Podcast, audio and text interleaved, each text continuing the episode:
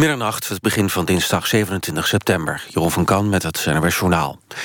De NAM, de Nederlandse aardoliemaatschappij... vindt een vergoeding voor de waardedaling van niet verkochte huizen... in het aardbevingsgebied in Groningen dubbelop. Volgens de NAM nemen het bedrijf en de overheid al genoeg maatregelen... om het ongemak door de gaswinning in Noordoost-Groningen te beperken... schrijft het Dagblad van het Noorden.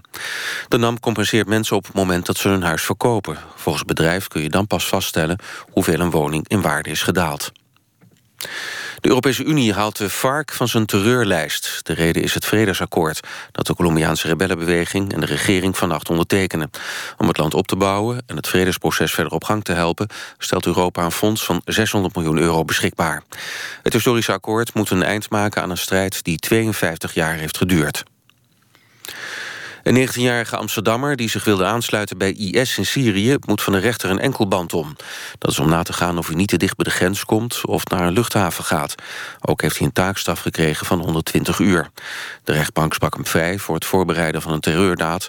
omdat daarvoor geen bewijs is gevonden. De Constantijn Huygensprijs gaat dit jaar naar schrijver Atte Jongstra. Hij krijgt de prijs voor zijn hele oeuvre. Volgens de jury beoefent hij literatuur als een aanstekelijk... en lichtvoetig spel van stijlen en vormen. De jury roemt verder zijn veelkleurige oeuvre... waarin de liefde voor archieven, lexica en encyclopedieën een constante is. Aan de prijs is een bedrag verbonden van 10.000 euro. Vorig jaar werd de prijs toegekend aan Adriaan van Dis. De eerdere winnaars waren onder andere mensen van Keulen en Arnon Gumberg. Het weer tot besluit. Vanavond en vannacht koelt het vooral in het oosten van het land flink af... naar graad of 6. Er is er ook kans op mist. Aan de kust blijft het bewolkt wordt het niet kouder dan een graad of 11. Morgen is het in het westen vaker bewolkt... en in het oosten schijnt nog lange tijd de zon. Mogelijk valt er in het westen wat lichte regen. Het wordt 18 tot 21 graden. Dit was het NOS Journaal. NPO Radio 1. VPRO. Meer slapen.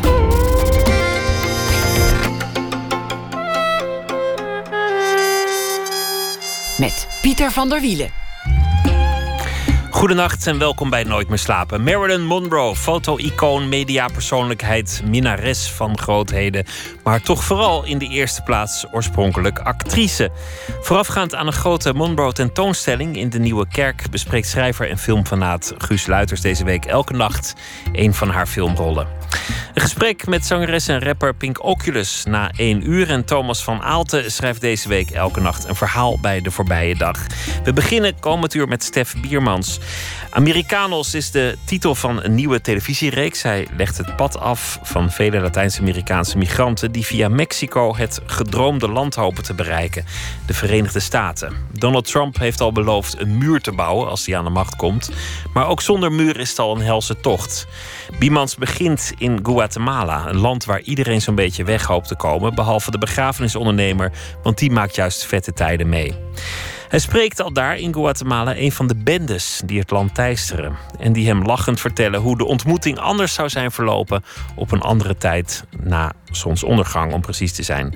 Stef Biemans is kortom niet heel bang aangelegd. Hij is geboren in 1978. Hij ging ooit bij zijn vader op bezoek, die voor werk naar Nicaragua was verhuisd. Al daar werd hij verliefd op een Latina. Hij woont er nu al jaren. Hij maakt er televisie. Voor de VPRO in Nederland presenteert hij het programma Metropolis, een mondiaal venster op de wereld. En eerder maakte hij ook series Amor met een snor en voor jongeren de serie Brieven uit Nicaragua. Stef Biemans, hartelijk welkom. Dankjewel. Die bende, laten we daar maar meteen even mee uh, uh, beginnen. Ja. Dat, dat was een prachtig interview. Jullie staan te lachen. Die, die, die jongetjes die zijn echt jong. Ze, Ja. ze hebben lol. Jullie, jullie hebben ook wel een soort sympathie voor elkaar. Maar ze vertellen ook vrij beeldend wat ze zouden hebben gedaan als jij daar op een ander tijdstip zonder camera was langsgekomen. Ja, het, het was van tevoren heel spannend om daar naartoe te gaan. Het was in een. eh, Guatemala is ingedeeld in, eh, in wijken. Dus Guatemala stad. eh, daar heb je zones, heette die. En dit was in zone 21. Dat is echt de beruchtste zone van de stad. En we hadden een afspraak met die jongens van de Barrio 18-bende. De, de, de wijk 18-bende heten ze, zo noemen ze zich. En dat is echt een van de beruchtste bendes van het westelijke halfrond. Een van de gevaarlijkste bendes. Ehm, dus het was heel eng om daar naartoe te gaan. Maar we zijn toch met via de juiste contacten... We hadden een, eh, een kunstenaar ontmoet die vroeger zelf bendelid was uh, geweest en in de gevangenis heeft gezeten. En ik heb hem een paar keer ontmoet. Ik kon het goed met hem vinden. Toen uh, hadden we er wel vertrouwen in om daar naartoe te gaan. Dus het was allemaal spannend. We gingen met, natuurlijk met z'n vieren, een cameraman, geluidsman en uh, researcher erbij. En toen we daar aankwamen, bleek het eigenlijk uh, nou, best wel jonge jongens te zijn. En ze zagen er ook wel lief uit. En ze gingen een, uh, een soort uh, een dansje doen met een, uh, een, een rap erbij. Wel een vrij heftige tekst die ze hadden voor die, voor die rap. waarin ze vertelden over de huurmoordenaar en over hoe ze elkaar tot de dood zullen beschermen. En dat je moet oppassen met wat je zegt, anders word je afgemaakt. Maar het voelde toch wel heel erg als, als stoerdoenerij. En um, ook de gesprekken die ze met elkaar voerden, maakten een beetje een kinderachtige indruk op me. En toen heb ik dat eigenlijk maar benoemd. Dus ik, ik zei van, uh, ik, je ziet er best wel klein uit. En volgens mij ben ik toch twee koppen groter dan je. Ik kan je best wel hebben, denk ik, toch? En toen zei hij, een van de jongetjes zei eigenlijk... ja, dat lijkt misschien zo, maar als, jij, uh, als ik jou hier s'avonds tegenkom... dan zeg ik eerst, wat heb je mooie schoenen aan? En laat me je telefoon eens zien. En dan geef die schoenen eens hier en geef je portemonnee. En als je dan nee zegt dan uh, heb ik een pistool en dan kun jij mij misschien wel slaan. En je, misschien ben je wel sterker dan ik, maar ik heb een pistool en ik zal je door je kop schieten. En wie is er dan uiteindelijk beter af, jij of ik? En, en toen merkte ik toch wel dat het ook wel menens is. Dat ze in ieder geval in ieder geval goed zijn in het intimideren. Maar je was via de goede contacten meegekomen. Had je, had je ook iemand meegenomen? Want, want jullie waren daar met meerdere mensen wie hadden jullie bij je dat, je dat je zeker wist dat er niks zou gebeuren? Want zo'n camera is toch weer, toch weer een camera. Ja, dat, we hadden eigenlijk alleen die kunstenaar bij ons. En hij had weer een contact in die wijk.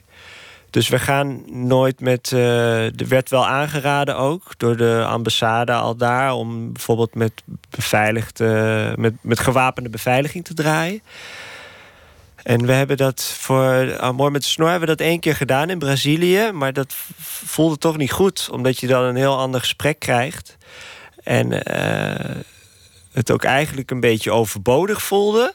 Dat er twee van die gewapende mannen naast staan de hele tijd. Dus, en Volgens mij werkt het ook wel zo dat als je met een cameraploeg bent en er zou iets gebeuren, dan komt natuurlijk de hele politie uh, in actie, waar, waar die jongens ook niet op zitten te wachten. Dat er opeens de focus ligt op hun wijk, omdat zij een internationale filmploeg iets hebben aangedaan. Dus wij proberen eigenlijk gewoon uh, goede contacten binnen de wijk te vinden waar we draaien. Zo hebben in Mexico in een gevaarlijke wijk in Tepito hebben we gedraaid. En toen hebben we eigenlijk contact gezocht met een oud bokskampioen... die daar een bokschool heeft. En die veel van die jongens van de straat boksles geeft... en inmiddels een soort burgemeester is geworden... omdat hij lokale beroemdheid is. En toen we met hem gingen draaien, bijvoorbeeld in Mexico... die, die liep over straat en die begroette iedereen... en iedereen kende hem. En dan zit het wel goed dus op die manier doen we dat eigenlijk. En uh, ja, tot nu toe gaat het goed. Volgens mij is het ook wel, ja. Tot nu toe gaat het goed. Dan moet, dan moet ik altijd denken aan die man die van, van, uh, van 14 hoog naar beneden springt. En, en dat bij elke etage. Dat is een heel vaak, uh, vaak verteld citaat. In deze serie wil je laten zien wat, wat er achter dat verhaal zit. Dat je wel vaak in de krant ziet van de migrantenstroom ja. van, van Latijns-Amerika naar de Verenigde Staten. Ja. Wat ook in, in het pre presidentsdebat een, een enorme rol speelt. Ja. Straks is het eerste debat, het echte debat tussen, tussen Trump en, ja, en, Hillary ja, Clinton. Het zal ongetwijfeld een van de onderwerpen zijn die ze daar zeker, uh, ter sprake zullen brengen. Um, je begint in Guatemala. Mm -hmm. Die bendes, die, die, er zijn er heel veel van. En jij begint dan ook op het kerkhof. Waar de graven worden geruimd. Ja. Was dat meteen besloten van uh, op die plek moet ik beginnen, een kerkhof? Dat is het mooiste vertrekpunt? Nee, dat is eigenlijk. Nee, dat is uh, meer iets wat in, in de montage is ontstaan dat we daar beginnen. Maar het was wel. Toen we daar waren, voelde het wel als een. In ieder geval als een originele plek om te vertellen. Uh, wat, hoe de dood op de loer ligt in die stad. En omdat we zijn op die begraafplaats en het is een hele, hele bijzondere plek. Want het is Het is de centrale begraafplaats van Guatemala-stad. Die ligt naast uh, de vuilnisbelt. En dat is tegelijkertijd de grootste vuilnisbelt van Latijns-Amerika. En uh, over die begraafplaats zweven, daar vliegen allerlei, uh, allemaal gieren vliegen over die begraafplaats heen. En dat geeft een heel bizar, hele gekke sfeer op die. Het is de, ja, letterlijk de dood die daar vliegt, de dood die daar ligt. En die begraafplaats die begint ook nog eens overvol te raken. Omdat er uh, dagelijks ongeveer 20 mensen vermoord worden in Guatemala door al die uh, bendes. En uh, dus s ochtends om zes uur zijn er dus mannen graven aan het ruimen. Want ze moeten ongeveer 40 graven per dag ruimen. Omdat, anders, omdat er anders geen plek meer is voor de nieuwe doden die aangeleverd worden. En toen dachten we, ja, dit is wel een bijzondere plek om iets te vertellen over de onveiligheid in, in deze stad en in het land. En, en, en over de armoede, want, want mensen die, die betalen niet, de nabestaanden betalen niet. Dat is ook een reden dat die graven geruimd worden. Mhm. En het is iemands baantje die daar vast ook niet heel veel mee verdient, maar die dat toch doet om daar met twee handschoentjes de hele dag lijken te rapen. Ja, en, en een paar van die jongens zeiden ook dat ze wel graag weg zouden willen. Dat ze wel graag naar Amerika zouden willen. Dat ze daarvan dromen. En waar ze dan precies van dromen. Van een huis en een autootje. Ze dat zouden kunnen kopen daar. En dus het voelde wel gelijk als een. We zijn daar ook wel veel geweest op die begraafplaats. Het voelde als een, als een bijzondere plek. En uh, heel filmisch ook natuurlijk vanwege die gieren die daar vliegen. En, uh, en die prachtige graven. En, uh, en wat daar gebeurde was natuurlijk was voor ons wel. We hadden allemaal wel het gevoel dat we hadden nog nooit zoiets gezien. Dat, dat daar voor onze ogen gewoon dus het zijn geen graven die uitgegraven worden. Je moet je voorstellen dat het graaf van die eh, van die, eh, hoe noem je dat? Van die, uh, die muren, waar, die muren waar het in, uh, waar ja, het in wordt geschoven. Die, ja, van die, en daar, die hakten ze open en daar schoven ze zo. Die, stond, stonden ze met z'n allen die kisten daaruit te trekken. En sommige, sommige lichamen die waren nog best wel, ook best wel intact. Je zag een een panty van een vrouw en wat schoenen. En het was, het was nog niet zo lang geleden dat ze daar lagen. En heel veel jongeren die daar ook op die begraafplaats liggen. Het grootste, grootste deel uh, van de graaf was van jongens tussen de 18 en 25 jaar. Wat ook weer duidt op geweld. Weet je, het is geen natuurlijke dood die ze gestorven zijn, maar dat, is om, dat komt door bendegeweld. En um, toen we daar waren, dat was wel heel vreemd. En we, ja, we, in, toen eigenlijk later in de montage beslis, besloten we toen van dit is wel een mooi vertrekpunt. Want je hebt meteen de sfeer in Guatemala en je begrijpt ook meteen dat zo'n beetje iedereen weg wil. Ja. Iedereen die jij althans hebt gesproken, die, die zegt, nou ja, als, als ik een kans zie hier vandaan te komen. Ja, zoals je net al zei, dat, de, dat de, degene, dus de begrafenisondernemer, dat is eigenlijk in, in die eerste aflevering de enige die niet weg wil. Want die heeft een goede baan. Want die leeft natuurlijk van de dood. Dat die, uh, die staat voor het mortuarium te wachten op klussen. En hij zei, hij was eigenlijk de enige die zei: ja, Ik hoef hier niet weg. Ik, ik blijf liever bij mijn gezin. En uh, dat was natuurlijk ook wel schrijnend. Dat, dat hij de enige is die niet weg wil. En hij kreeg het verwijt dat hij ook een gier was. Een, een, een ja, zo worden ze, ja, zo worden ze genoemd. Ja, ja. Dat is in de volksmond worden, worden die begrafenisondernemers weer, ook weer aasgieren genoemd. En, uh, je, je, gaat in deze serie min of meer het pad af dat een migrant zou kunnen afleggen. Er zijn natuurlijk meerdere routes. Maar jij hebt een pad gekozen. Je begint in Guatemala. Je gaat later ook naar, naar Mexico. Je, uh, kijkt overal naar hoe de migranten het maken onderweg. En ook de teruggekeerde migranten die, die, uh, die worden gefilmd. In Guatemala ben je ook bij een bijeenkomst voor een enorme groep die terugkomt. Uh, omdat ze gepakt zijn in Amerika als illegaal. Ja. En op het vliegtuig teruggezet. Uh, ja. Wat is de droom van, van de Latino's die weg willen?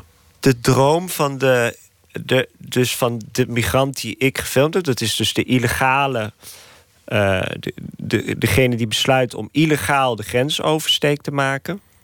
Zijn droom, want het zijn voornamelijk mannen, is om uh, een paar jaar te werken in Amerika en dan terug te komen en uh, een beter leven te hebben. En ondertussen geld te sturen aan, aan zijn familie. En uh, want de meesten laten hun familie achter. Dus die kunnen hun familie ook niet naar Amerika halen. Dus dat... En sommigen die blijven dan lang of net te lang. En, en uh, de, mannen die geen familie hebben, die stichten een gezin in de Verenigde Staten. Maar eigenlijk is de, is de droom werken. En, en uh, het is niet zozeer staatsburger worden of echt Amerikaan worden, want dat, dat is eigenlijk onmogelijk. Als je illegaal de grens oversteekt, dan moet je minstens 20, 30 jaar daar zijn. Um, en dan zouden dus ja, je kinderen die dan in Amerika geboren worden, zijn automatisch staatsburger en hebben daar dan iets aan. Maar, maar de droom is eigenlijk een beter leven voor hun, ja, eigenlijk vooral voor hun gezin. Dat Gewoon geld verdienen en, en dan gefortuneerd terugkomen. Ja. Lukt het ooit? Uh, nou, een van alle jongens die wij gevolgd hebben, is er eentje, is het hem gelukt. Dat is Osman, een jongen uit Honduras. En uh, die hebben we in Zuid-Mexico ontmoet in een herberg voor migranten. Hij werd daar aan zijn voeten verzorgd, omdat hij uh, heel veel blaren aan zijn voeten had. Hij had ontzettend veel gelopen. Het was een hele zachtaardige, naïeve jongen. Het was de eerste keer dat hij die reis maakte. Ik dacht ook niet dat hij het zou halen. Ik dacht, de, deze jongen die wordt nog... of die wordt in Mexico nog opgepakt door de migratiedienst... of door een kartel uh, ontvoerd, weet ik het. Maar die gaat het niet halen, want... Uh, er liepen ook wel veel ervarener jongens rond en sterkere jongens. Dus ik dacht, hij haalt het niet. Maar hij heeft het gehaald. En hij zit nu in Zuid-Texas, in McAllen... net over de grens bij de Rio Grande, bij die grensrivier. Hij werkt daar in een, in een verfwinkel. We hebben hem later ook weer opgezocht om, uh, om te filmen hoe het, hoe het hem vergaat. En hij zit nu in een soort niemandsland. Dus als je als je net uh, die, die grensrivier oversteekt... Hij is gezwommen over de, de rivier over, samen met zijn broer uiteindelijk. En als je die oversteekt, kom je in een soort niemandsland terecht. En dat is, die, die, die uh, uh, dat is McAllen en Brownsville. Dat zijn die, die dorpen die daar net over de grens liggen. Daar word je ook weinig lastig gevallen door de, door de Border Patrol eigenlijk. Of door de grenspatrouille. Uh, en je kan daar op een soort van rommelmarkt, kun je daar voor 60 dollar per dag kun je daar werken. En uh, dan moet je uiteindelijk nog een grenspost voorbij. Uh, eh, 100 kilometer landinwaarts. En dan kom je uiteindelijk in Houston. Um, waar je volledig in de illegaliteit belandt. En, maar wel betere salaris kunt krijgen. En uh, ja, een soort van leven op kunt bouwen. Of met meerdere Latino's een appartement deelt. En dan, uh, maar het is een barre tocht. Je moet goede schoenen hebben. Ja. Je moet een goede conditie hebben. Je ja. moet uh, niet opkijken van een beetje honger en dorst. Ja. En het is gevaarlijk. Het is, ja, het is, het, ik, ik wist niet dat het zo, zo moeilijk was. Het is wel echt bijna onmogelijk om het, om het te halen. Het is zeker een, een, meer dan een maand reizen. Alleen al door Guatemala en Mexico. En vroeger sprongen migranten heel veel op de trein. Die gingen dan op, de, op het dak van de trein zitten. Maar omdat uh, de Mexicaanse migratiedienst de druk opgevoerd heeft, eigenlijk uh, um, door de regering van Obama, die heeft dat eigenlijk in werking gezet. Want die wilde iets doen aan die problematiek. En die heeft uh, toen de Mexicaanse overheid eigenlijk geld gegeven om de migranten al in het zuiden van Mexico op te jagen. Dus kunnen ze niet meer zo makkelijk op die trein reizen. Uh, en moeten ze dus veel meer lopen nu. En worden de routes, de routes veranderen ook steeds, omdat ze dus eh, nu meer gaan lopen. En ondertussen ook nog eens in het zuiden van Mexico al door, door rovers achterna gezeten worden. In het noorden van Mexico door al die drugskartels die daar actief zijn. En dan kom je dus bij die muur. Dan heb je eigenlijk twee punten waar je er langs kan. Dus dan, of bij Arizona, daar houdt de muur op. Die gaat dan in, California weer verder. Of uh, dus bij die grensrivier, de Rio Grande. Die, daar moet je zwemmen en moet je zorgen dat je niet gepakt wordt door een van die autootjes van die grenspatrouille. En eh, bij Arizona kun je door de woestijn lopen. En dan moet je drie, vier dagen door, de woest, door een best wel venijnige woestijn lopen. Uh, waar je de weg niet kent en uh, waar het bloedheet is. En, en als je onderweg wordt gepakt, word je onmiddellijk teruggestuurd. Ja. De andere route, gewoon een toeristenvisum, die is ook afgesloten. Dat heb je ook gefilmd. Mm daar, daar, kom je bijna niet aan. Het merkwaardige is dat eenmaal in de Verenigde Staten er niet zo enorm wordt gecontroleerd als ze eenmaal aan het werk zijn. Het is bijna een parallele economie ja. Van illegale. Maar je zou zeggen dat is de makkelijkste weg om ze te vinden. Gewoon bij bedrijven langs gaan. Ja. Dat gebeurt niet zoveel. Nee, het is heel gek. Want ze staan met, met bosjes staan ze bij de lokale gamma, bij de Home Depot, te wachten op werk. En er komen Amerikanen die hebben dan een loodgieter nodig. En die rijden dan naar de Home Depot. En dan pikken ze iemand op. En dan zeggen ze: Kom maar mee, ik heb, ik heb een dag werk voor je. Er zijn ook bedrijven die gewoon daar dagelijks mensen oppikken. Hele ploegen, schilders, uh, uh, van alles alle soorten klusjes kun je daar vinden. Dus je zou toch denken dat de Amerikaanse autoriteiten daar langs kunnen rijden en ze gewoon uh, makkelijk op zouden kunnen pakken. Maar Amerika heeft die goedkope arbeid ook nodig. Het is dus zo comfortabel dat ze er zijn. Ja, ja, en daarom wordt het, wordt het gedoogd. Dus ze zijn met miljoenen daar. Maar dat wordt, dat, dat wordt, ja, dat wordt eigenlijk geoorloofd. Het is wel oké, want het, de, alle restaurants, uh, zeker als je in Californië en Texas en, en Arizona bent, daar spreken alle obers en serveersters spreken Spaans. En dat zijn allemaal Latino's die daar werken. En allemaal illegaal. Dus dat, dus dat is eigenlijk heel... Ze betalen ook belasting. Wat ook gek is. is eigenlijk hebben de Amerikanen het best wel goed geregeld. Voor zichzelf. Want je, je, je mag eh, je komt in dat land, je moet belasting betalen. Je kan een soort van een, een, soort nep werkvergunning kun je regelen op zo'n rommelmarkt. Voor 100 dollar heb je zo'n vergunning. Dan betaal je belasting.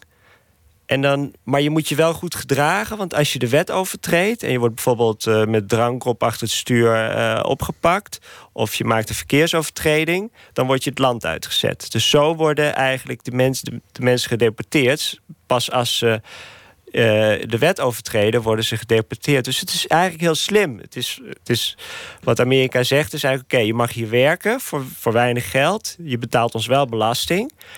Maar je moet je wel gedragen, anders word je eruit gezet. En ondertussen krijg je van ons een soort onofficiële toestemming om in een prachtige land te wonen. Maar het is toch wel, aan de andere kant, de droom leeft daar nog. Ja, dat is ook de verbazing die je zelf uit in, in, in de serie. Dat, dat jij als Europeaan wat afstandelijk kijkt naar, naar de grote droom en het, en het toch commercieel vindt en het wantrouwt. Maar dat, dat voor de Guatemali, uh, Guatemalees, wat zeg je eigenlijk? Guatemalteek, dat die droom nog zo levend is als maar zijn kan. Ja. De grote ja, Amerikaanse ik denk dat droom. Veel, veel van die jongens die weten niet zo goed wat ze te wachten staat. Maar aan de andere kant als je uh, voor 60 dollar per dag kan werken, dat, dat is in, voor die jongens in Guatemala is dat niet te vinden. Dus het is ook wel, ja, het is ook wel een, uh, het is wel aantrekkelijk voor ze. Bruce Springsteen heeft uh, ook gezongen over de grenzen en de moeilijke tijden voor de Mexicanen die naar Amerika hopen te, te komen. En dat nummer dat heet Across the Border.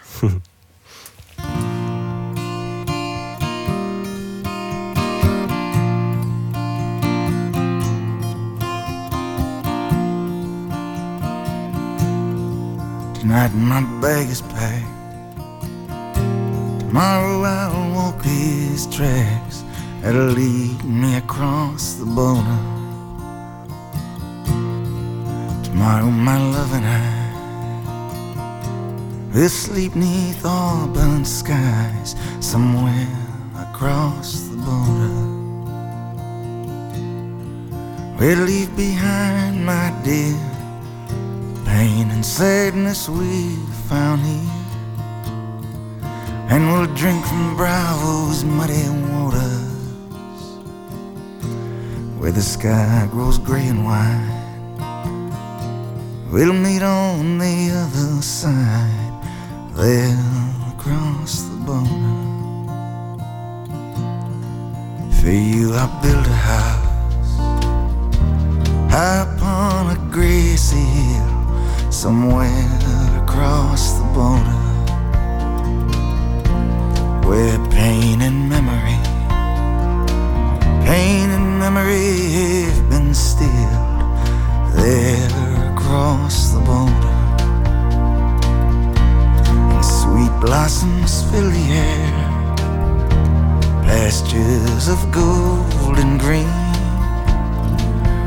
roll down into cool, clear waters, and in your arms, neath open skies, I'll kiss the sorrow from your eyes there across the border.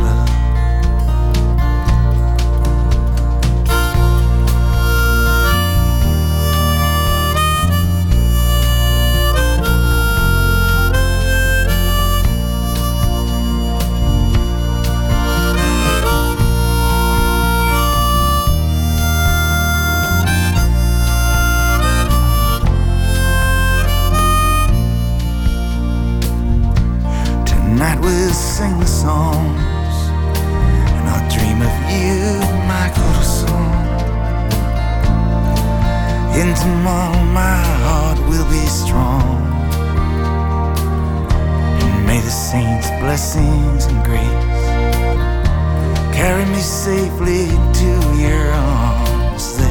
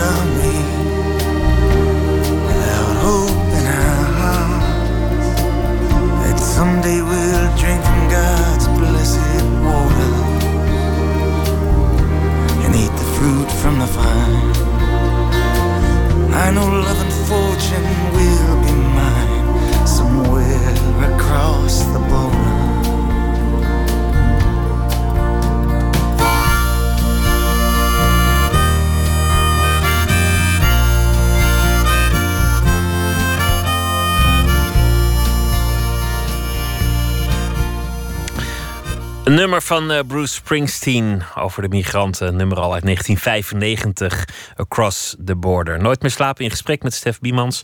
Naar aanleiding van zijn nieuwe tv-serie Americanos. Ehm, je bent eh, op een zeker ogenblik terechtgekomen in Nicaragua. Gewoon om, om bij je vader op bezoek te gaan. Ja. Dat was in 1998, als, Ja. ik, het, eh, als ik het goed heb. Ja, weet je dat goed. Je, je, je was toen nog, je had hier een opleiding journalistiek gedaan. Je, je had nog allemaal plannen om, om hier uit te gaan voeren. Je dacht, ik ga gewoon even op bezoek bij die oude, want die werkte daar in de ontwikkelingssamenwerking. Wat gebeurde er toen?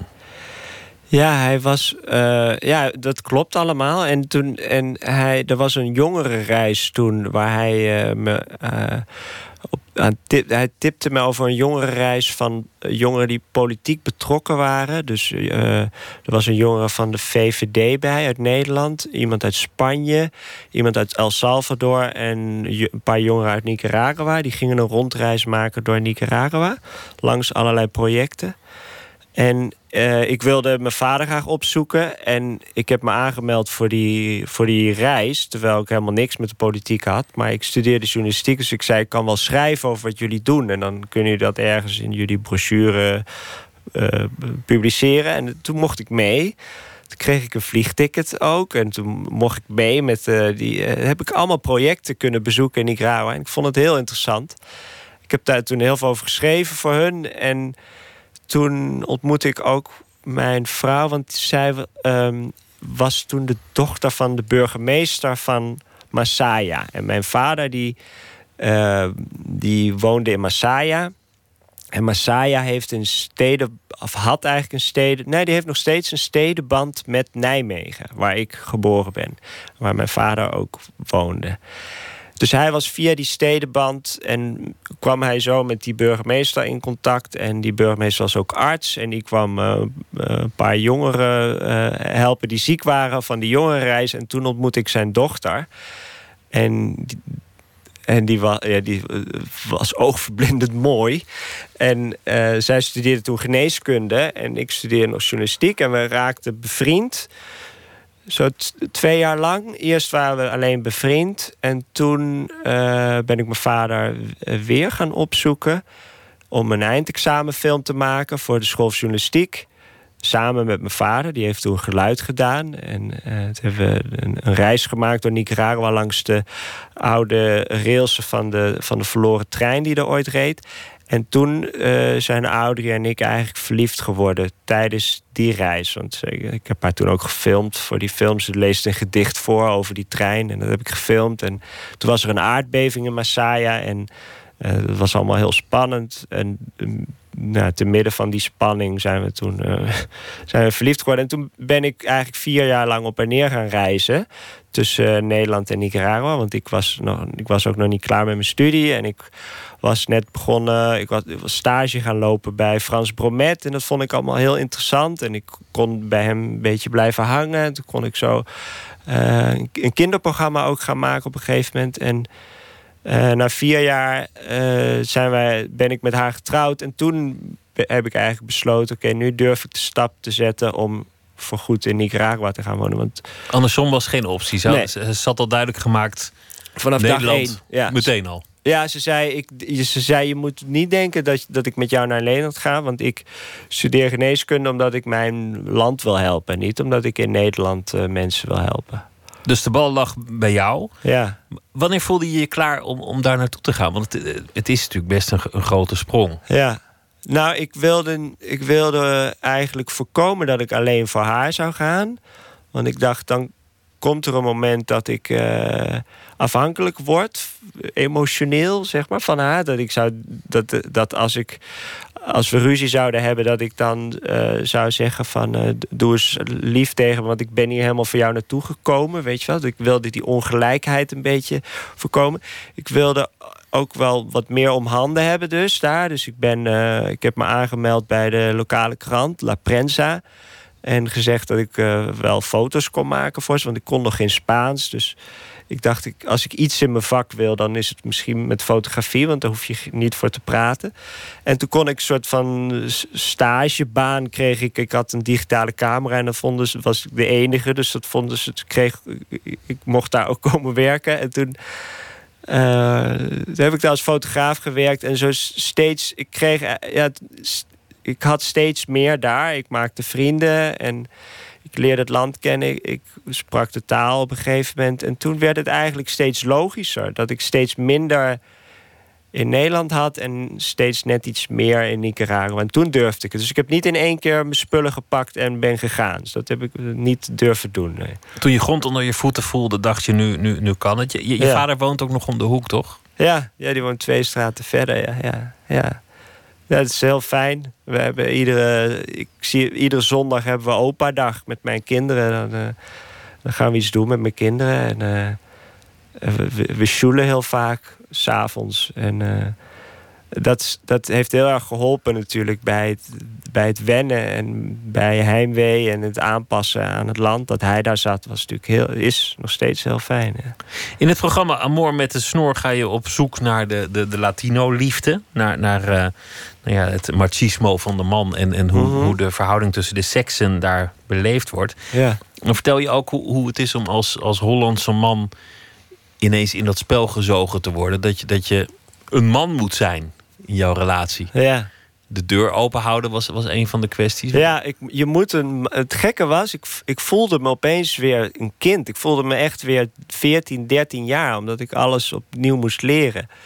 Dus ik moest zeg maar leren hoe je in de liefde eh, een man bent of een gentleman. En, en al die regels. Audrey had best wel veel regels ook.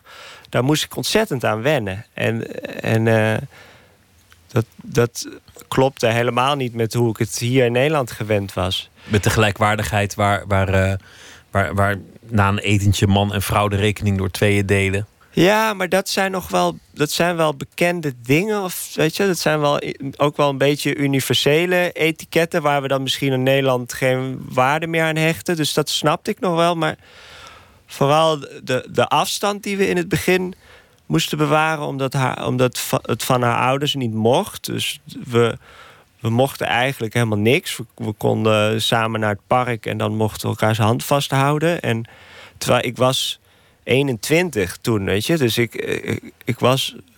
Ik dacht van, wat is dit nou? Want ik, we, mochten dan wel naar de bioscoop, maar dan moest daar iemand mee. En, en, en als wij als we na tien uh, ergens waren, dan wist gelijk het hele dorp het. En dan wist haar vader het ook. En, die, en dat klopte dan weer niet. Dus het was eigenlijk een hele ja, eh, zoals het misschien 50 jaar in Nederland ging of zo. Dus op die manier ging. Ik was dat totaal niet gewend. Ik weet nog wel dat mijn vader, die had toen eigenlijk de beste raad. Want we hadden. Ik was een keer met haar naar een, een, een cabaretvoorstelling geweest in de hoofdstad. En toen ah, waren we al drie maanden. Uh, hielden we elkaars hand vast. Dus toen dacht ik, ja, nu moet ik toch iets ondernemen. Nu moet ik haar toch eens gaan zoenen. En toen toen zei ze van, het werd ze boos. Zei ze, ja, maar je kan, ik, ik, ik ga niet zoenen met jou. Als je, ik ga niet zoenen met iemand met wie ik geen verkering heb. Je bent mijn vriendje. Ik zeg, maar hoe word ik dan je vriendje? Wat ik, dat ja, wat is dan de volgorde? De volgorde hier in Nederland is toch dat je zoenen eerst en dan zoent. zoenen en dan wat meer frunniken. Dan heb je op een gegeven moment... hoe gaat dat daar dan? Ja, en, en dus vroeg ik ook. En toen zei zij, nou, mijn laatste vriendje... die is een jaar lang bij me op bezoek geweest. En toen wist ik zeker dat het menens was voor hem. En toen pas uh, kregen we verkering. En daarna hebben we gezoend. En en toen zei ik dat, ik vertelde het aan mijn vader. Ik zei, nou, wat ik nou aan mijn broek heb, wat ik nou heb meegemaakt. toen zei hij, ja, maar waarom hecht jij zoveel waarde aan zo'n zoen? Want in, in Nederland gaat het toch zo makkelijk tegenwoordig, weet je. je en ben jij nu de baas thuis? Is, is dat een van de vereisten of, of, of precies andersom? Of moet, moet je, moet je een, soort rol opnemen van dat je, dat je wel degelijk de man bent? Uh, volgens mij werkt het zo dat Latina's die doen of je de baas bent, maar eigenlijk zijn zij het zonder dat je het zelf doorhebt. Dus, het, dus ja, eigenlijk neemt de zij eer naar buiten toe en, en binnenshuis is zij de baas, maar als er bezoek is, dan ben jij de baas. Ja, nou eigenlijk de hele tijd door wordt er benadrukt dat het fijn is dat je mannelijk bent en dat je, dat je leiding neemt en dat je uh, je huishouden kunt onderhouden. Maar ondertussen zijn het de vrouwen die alle beslissingen nemen, dus die eigenlijk de baas zijn. En dat, dat is iets, dat is een soort constant spel. Wat ik nog steeds niet helemaal uh, begrijp, maar volgens mij zit het zo in elkaar. En Audi is best wel, wat dat betreft, best wel geëmancipeerde vrouw. Dus die, die, ja, dus die, ze, ze vindt het ook fijn dat ik niet zo'n macho ben. Dat zegt ze ook wel. Dat ze, uh, zich ook eigenlijk niet meer zou kunnen voorstellen hoe het zou zijn om met een Nicaraguaan te zijn. Maar het is, ik, vind, ik vind nog steeds wel lastig hoor. Die, die, welke rol je nou moet nemen als man daar. Dus ik, ja, ik vind, het, ik vind het ook lastig bijvoorbeeld in de opvoeding van mijn zoontje. Ik heb een zoontje van acht. En ik merk heel erg dat ik. Uh, dat ik, dat ik uh, tegenover mijn vrienden of zo, dat ik een bepaalde rol aanneem als ik met hem uh, omga. Dus ik ik, ja, ik weet nog goed dat ik dat toen hij klein was, was ik een keer voetbal gaan kijken met mijn vrienden. En toen zat ik met een, was, eh, mijn zoontje was er niet bij, en er was een, maar er was een jongetje van zijn leeftijd. En ik zat met het jongetje te spelen en ik weet, ik weet niet meer hoe ik deed, maar mijn vrienden zeiden: Wat zit je nou, uh, wat zit je nou zo'n mietje met het kind te spelen, man? We zijn toch allemaal voetbal aan het kijken en jij zit een beetje uh, raar met het kind te doen. En toen moesten ze allemaal heel hard lachen. En ze, ze waren echt een beetje aan het uitlachen. En toen ze dacht, oh, dus ik zette dat kind weg. Ik dacht van, oh. En toen kwam ik thuis en toen zag ik mijn zoontje en die, zat, die was echt nog klein en die was, was in de box aan het spelen en toen was hij aan het huilen en toen zei ik, ik zei, en Audrey was erbij en ik zei van, hey, eh, ik zei tegen hem, doe niet zo idioot, uh, hè, niet huilen. En toen zei zij, wat zeg je nou? Want ze verstaat Nederlands, ze verstaat natuurlijk idioot. Het lijkt ook wel op idiota in het Spaans. En toen zei ze, wat zeg je nou tegen hem? Ik zei, ja, ik moet hem een beetje klaarstomen voor die macho-maatschappij. je, je wist het echt niet meer. Je wist van, ik moet een lieve vader zijn, ik moet een stoere vader zijn, ik moet, moet een beetje achterloos. Je, ja. Maar het was wel goed dat wel... zij met terecht... Want zij zei, dat moet je echt niet doen, zei ze. Want je zult zien, als hij 16 is... is dat juist zijn unique selling point. Dat hij een beetje juist gevoelig is naar meisjes toe. Dus je moet en een dat zachtaardige vader heeft gekend. Je, je, je was zelf, zei je ooit atheïst. En toen kwam je daar in een, in een, in een diepgelovige omgeving... Waar, mhm. waar mensen niet alleen naar de kerk gaan... maar waar, waar hele theaterstukken worden opgevoerd... rondom het geloof. Met, met processies en, en Jezus die opnieuw wordt gemarteld. Heb je, heb je ook hele mooie reportages over gemaakt. Mhm. Hoe los je dat nu op? Dat is nog steeds moeilijk. Het is, er is geen oplossing voor eigenlijk. Het is... Uh, het, het, ik ben naar, wat wel geholpen heeft, is dat ik er gematigd daarin ben geworden. Dus ik was, ik was atheïst. En uh, ik was ook best wel kritisch. Sorry? Je, je zegt was atheïst? Ja, ik ben, ik ben tegenwoordig ben ik agnost. Omdat ik. Dat is toch een atheïst die er vanaf wil zijn? Is het zo? Die de discussie die de avond het... van misschien. Ja, misschien omdat het een te lastige discussie is, maar ook omdat ik denk, als je atheïst bent, dan ben je eigenlijk ook gelovig. Want dan sta je wel zo erg aan de andere kant dat je eigenlijk, uh, dat is net zoiets als een religie. En ik kwam daar niet zo ver mee in Nicaragua. En zeker niet in mijn huwelijk. Dus ik merkte heel erg dat ik dat eigenlijk dat atheïsme mee heb genomen vanuit Nederland en vanuit mijn opvoeding. Mijn, mijn vader die is heel erg anti-katholieke kerk. Hij heeft zelf uh, is hij op zijn dertiende naar het seminarie gestuurd. Hij zou uh, priester worden en is daar op zijn zestiende hard weggerend... omdat hij het allemaal niet mee eens was met, die, wat, met wat hij zag. En mijn moeder is ook, komt ook uit een heel katholiek gezin. En die, volgens mij zijn zij de generatie die er...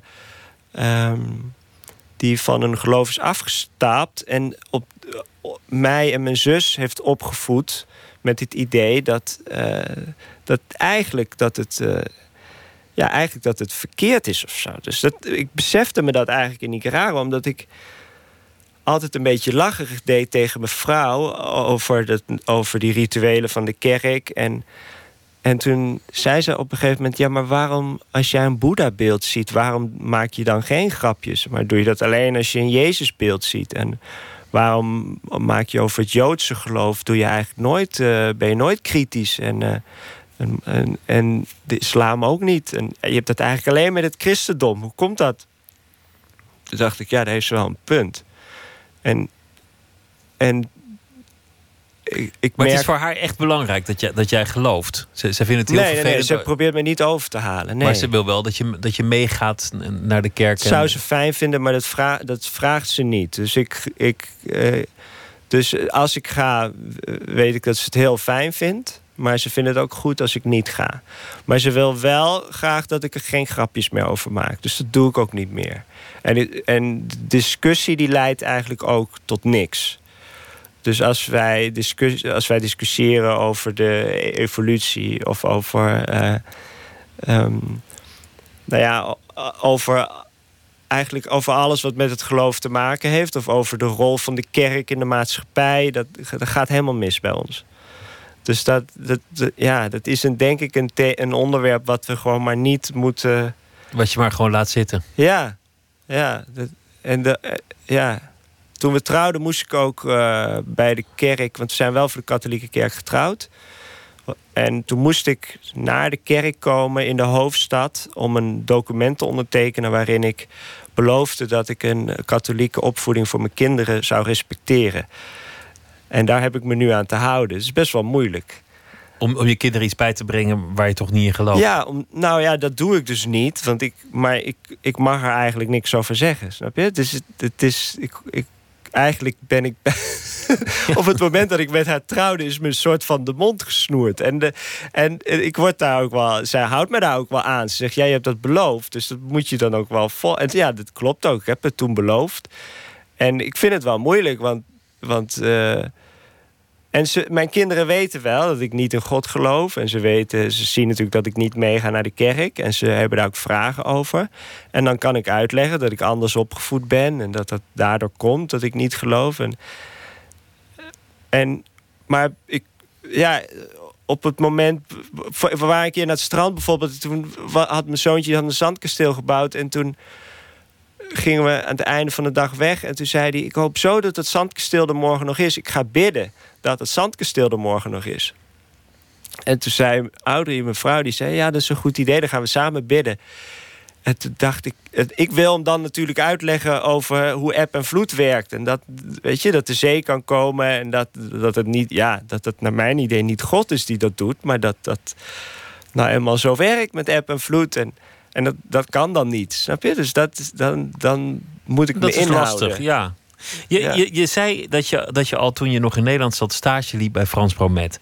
Je bent op een zeker ogenblik foto's gaan maken daar, want, je, want je, je had werk nodig. En zo ben je langzaamaan reportages gaan maken en, en voor de Nicaraguaanse televisie komen te werken.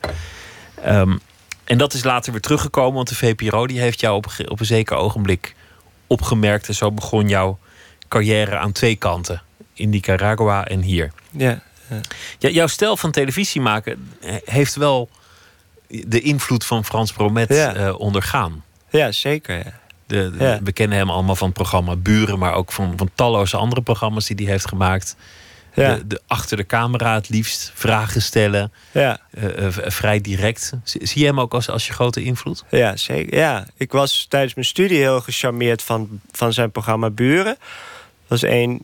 Ja, dat was, ik vond dat zo'n magisch programma. Hij ging dus buurruzies uitzoeken. Hè, en heeft heel veel afleveringen gemaakt. En hij deed dat op zo'n onnavolgbare manier eh, dat ik, dat ik echt. Ja, dat ik, ik had daar heel veel vragen bij hoe hij dat deed. En toen kwam er een stageplek eh, en toen zei iemand op de school van journalistiek: dat is volgens mij iets voor jou. En toen mocht ik daar stage lopen. En, en ik weet dat ik in het begin ik moest uh, geluid doen en uh, research. En uh, om uiteindelijk dan zelf ook een keer op pad te mogen. En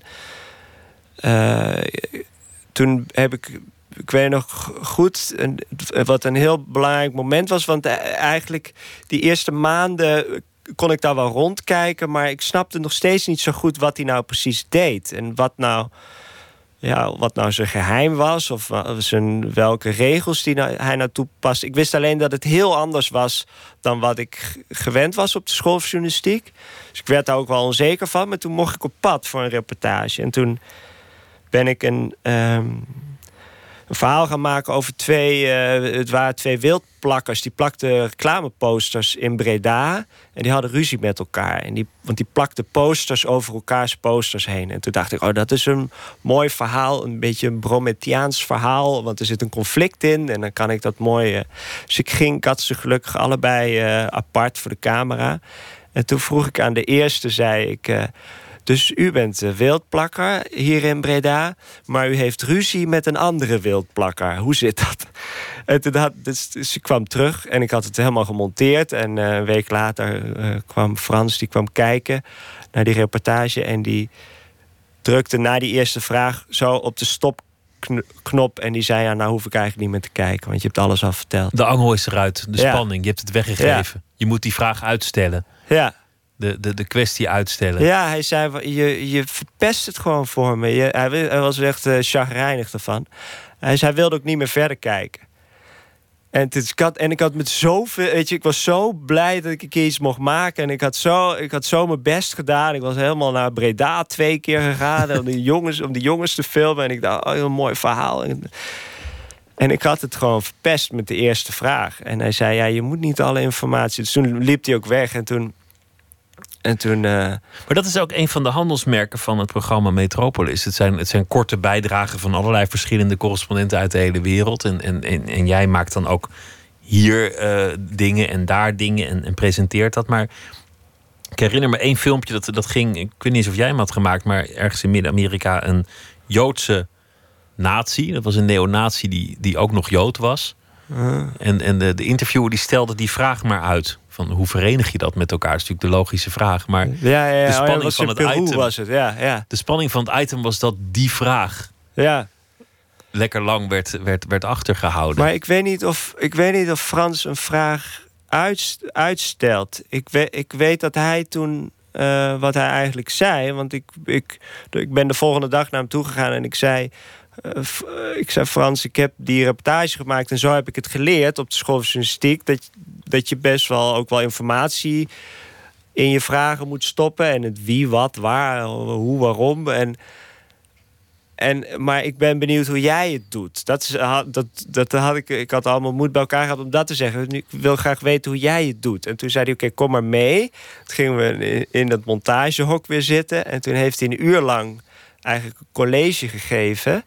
van hoe hij het doet. En dat, was, dat vond ik zo geweldig. Ik wilde meeschrijven van enthousiasme. Ik dacht, dit moet ik onthouden. En hij zei... Hij zei, wat je, je, moet, je moet nooit met zo'n vraag beginnen. Je moet één open vraag bedenken. En, dat, en eigenlijk is de vraag, wat is hier aan de hand? En dat is wat hij bij buren altijd deed. Hij zei, vertelt u maar eens, wat is hier aan de hand? En dan begon een van die buren die begon te vertellen. En dan, hij zei, dan moet je heel goed luisteren naar wat die ander zegt. En mensen praten vaak een beetje in wolkjes. En daar moet jij doorheen prikken, soms door één woord te herhalen. En zo had hij allerlei stelregels van, zijn, van hoe je volgens hem televisie maakt. En, en ik, dat, ja, ik vond dat heel inspirerend toen. En, eh, En dat is te zien ook in deze serie. De, de echte politiek, daar, daar blijf je liever weg. Het, Mhm. dit is, want, want je Dus zou de ik- indruk krijgen van een serie over migranten in Midden-Amerika. Dat is een heel politiek geëngageerd portret geworden. Maar dat is het eigenlijk niet. Je, je mengt je niet in politieke zaken. En ook, ook in de films die je maakt in Nicaragua gaat het eigenlijk zelden over. ja, ik interview ook nooit autoriteiten of nee, nee, of, eh, of politici of eh, nee, gezagsdragers. nee. Is, is dat omdat het je niet, niet boeit? Of, of denk je van, nou ja, dat, dat moeten anderen hier maar doen? Ja, ik denk dat het me. Ik heb. Het, ik denk dat het me niet boeit. Ja, het is, eh, het, bij Metropolis was het een stel, was het echt een regel. Hè? Er was een handboek voor alle correspondenten. En een van de regels was dat je niet de autoriteiten of eh, experts moest opzoeken, dan, maar zou, juist dan zou het programma ook niet meer uniek zijn als ze dat zouden Nee, doen. Dat nee. gebeurt al. Ja, dus je moet eigenlijk eh, de man achter het nieuws zoeken of zo, of achter de politiek. Of de, en dat, ja, dat, is, dat ligt mij wel. Dat, dat is ook wel mijn interesse. Dus ik, ik weet niet of het door Metropolis komt. Want misschien wel, ja. Want ik, ik heb daar als correspondent voor Metropolis heel veel gemaakt. En op die manier ben ik eh, gaan werken. Ja, dat zou kunnen. Ja, maar ik, heb, ik, ik voel niet die drang, nee, om... eh, Maar ik kan me ook Ja. voorstellen in, in Nicaragua dat je dan denkt, ja, ik ben te gast. Dan ga, ga ik hier een beetje eh, over Ja. politiek beginnen. Ja, maar in Nicaragua moet je dat nu ook niet doen, nee. nee. Is ook niet verstandig Nee. misschien. En, Nee. en, eh, de tegenstellingen Nee, dat- zijn ook heel groot. Ja, en in, Nic- in, in, in Nicaragua word je er gewoon uitgezet nu... als je, als je oh, iets over politiek maakt. Dus dat... En ik wil daar nog wel blijven wonen. Dus het is wel, het is wel lastig, maar dus... Ik, ja... Dat kan niet. Nee, dat, dat- ik zou het kunnen doen, maar dan... eh, eh, ja, dan zet ik te veel op het spel. Dus in, Nicaragua, ik zou natuurlijk in Guatemala zou ik het wel kunnen doen. Maar eh, ook daar eh, is het. Nee, ik denk dan, ik, ik denk dan niet, ik ga een, eh, een, een, een politicus interviewen die hier iets over te zeggen heeft of zo. Nee, nee. Je bent daar een, een, soort tv-persoonlijkheid. Hè? Je, je wordt op straat Ja. herkend, je, je wordt om handtekeningen Ja, gevraagd. dat was, was zo, ja. ja. is Ja, alweer heb- wat minder. Ja, want ik heb zeven jaar geleden heb ik eh, voor het ja, zeven jaar geleden heb ik een programma gemaakt samen met mijn zwager. Dat heeft toen twee jaar gelopen en dat was een Het was een groot succes, omdat er eigenlijk nog nooit zoiets gemaakt was in Nicaragua. Het was een vrij uitgekoud format, waarin we al liftend door Nicaragua reisden. Het was helemaal niet zo origineel, maar daar had je nog niet zoveel. Dus je, er was alleen maar nieuws en van die telenovelas, van die soaps, die aangekocht werden. En toen hebben wij eh, samen dat programma gemaakt en dat was uh, daar keek iedereen naar, want mensen kijken in Nicaragua nog steeds met z'n allen op zondag televisie, hè, met het hele gezin. En dus toen was ik een tijd een soort van beroemdheid in Nicaragua. En, en dat was heel leuk, want mensen die herinnerden zich dialogen uit het programma van ons. En, uh, en ze, vonden, ja, ze vonden het heel leuk dat ik een beetje de onhandige buitenlander was die. Die door zijn zwager de hele tijd een beetje voor de gek gehouden werd. En we, ze vonden het leuk dat we uh, al liftend reisden en goedkoop. En we sliepen ook bij mensen. En dat ja, vonden ze allemaal heel... Ik denk dat ze zich daarmee identificeerden. En dus toen... ja, toen heb ik daarna heb ik ook nog Metropolis gemaakt voor de televisie daar. En nog een bioscoopfilm hebben we gemaakt van het programma. Maar dat is alweer een paar jaar geleden. Dus, uh, Inmiddels is dat rustig. Maar ja. Jouw kind is, is daar geboren. Uh-huh. dus dat betekent ook dat, dat, dat, die band die je met het land hebt opgebouwd... nu, nu echt vorm heeft gekregen. Als jij er voor, voor het meisje bent gewonnen, kan je er altijd nog weg. Maar als er een... Als, als je, ja, kan nu niet meer weg. Nee, je kan niet meer weg. Nee, nee. En, en, en waarschijnlijk wil je dat ook niet. Maar het is wel een wonderlijk bestaan dat je, dat je hier programma's maakt. Een beetje daar. Dat je, dat je ja, ik vind het ook heel bijzonder dat het kan. Dat, uh, ik sta daar verbaasd over als ik weer iets mag maken. Omdat ik denk, uh, willen mensen nog wel iets weten over dat continent? Of, uh, ik heb ook een paar kinderprogramma's specifiek over Nicaragua gemaakt. Dat ik dacht van waarom, waarom willen ze nou weer toch weer iets hè, over Nicaragua? Het is zo'n gek land waar van veel mensen ook niet eens weten waar het ligt. En, en toch, dus dat, dat, het is wel bijzonder dat ik uh, nog ja, dat ik mee mag doen eigenlijk. Het is wel te gek natuurlijk dat, dat, dat het kan. En, maar wat er ook gebeurt, jij blijft daar. Dat, dat, dat besluit is genomen. Van ja. Nicaragua, daar ligt jouw jouw uh, jouw jouw toekomst en jouw. Ja, hopelijk wel, ja. ja. Ja, ik hoop dat ik er nog lang mag blijven. Ja. ja, dat je er niet uit wordt, wordt, wordt, wordt gedonderd. Ja. Maar bedoel je dat, je dat het gek is om zo voor de, voor de Nederlandse televisie nou te maken terwijl ik daar woon? Nee, ik, vind, ik vind dat je een, een wonderlijke carrière hebt. Dat, dat, je, dat je daar programma's maakt en hier programma's maakt. En dat je niet echt een klassiek soort correspondent bent die, die, ze bellen als, als er iets is gebeurd. Ja. En, zo vaak is Nicaragua ook niet op het journaal in Nederland. Nee. Uiteindelijk. Nee, nee het, is, het is ook. Ja. Soms is het een beetje een schizofreen bestaan. Omdat ik natuurlijk heel erg daar ook wel heel, erg met Nederland bezig ben. Omdat ik voor Nederland iets aan het maken ben. En in het begin dacht ik eigenlijk, toen ik bij de krant ging werken, dacht ik, ik moet hier, ik moet een autonoom bestaan leiden waarin ik niet afhankelijk ben van Nederlandse media. En ik moet uh, zelfvoorzienend zijn hier in dit land. En ik, uh, dus dat heb ik ook een tijd gedaan. En uh, toen ging ik ook reclamefilmpjes maken en zo. Om de kosten te verdienen. En, en dat was ook, was, was ook leuk. Was ook, ging ook goed. Maar ik vind het voor de Nederlandse omroep iets maken. Daar ligt de lat toch hoger. En zijn de onderwerpen interessanter. En ja, dus is dat, is dat fijner. Ja. De serie heet uh, Americanos en het gaat over de Amerikaanse droom zoals die in uh, Midden-Amerika wordt, uh, wordt beleefd. Zometeen is het eerste debat trouwens tussen, tussen -huh. Trump en, en, en Hillary Clinton. Ik kan me voorstellen dat jij je daar ook wel voor interesseert, omdat het ja. de toekomst van de Verenigde ja. Staten ook heel erg voelbaar is in, in, in Midden-Amerika. Ja, zeker. Ja, want er zijn de migratie neemt nu ook toe nu nog in de laatste maanden voor de, voor de verkiezingen is het toegenomen. Omdat mensen denken, ik ga nog snel, nu het nog kan. Want je weet nooit wie er straks uh, ja, ja. de scepter zwaait. Hè? Ja.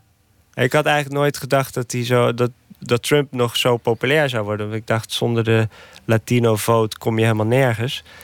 Maar er zijn, zijn toch ook gewoon Latino's die op hem gaan stemmen, volgens mij. Dus het is wel wonderlijk. Ondanks dat hij ze beledigd had en later het toch weer een beetje had goed gemaakt. Ja, en, ja. eh, et cetera.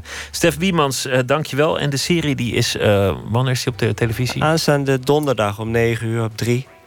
Ja. Ik wens je heel veel succes en dank dat je te gast wilde zijn. Ja, bedankt. Zometeen gaan we verder met Nooit meer slapen. Twitter, het VPRO NMS. En we zitten op Facebook. En u kunt zich abonneren op de podcast via de website van de VPRO. vpro.nl slash nooit meer slapen.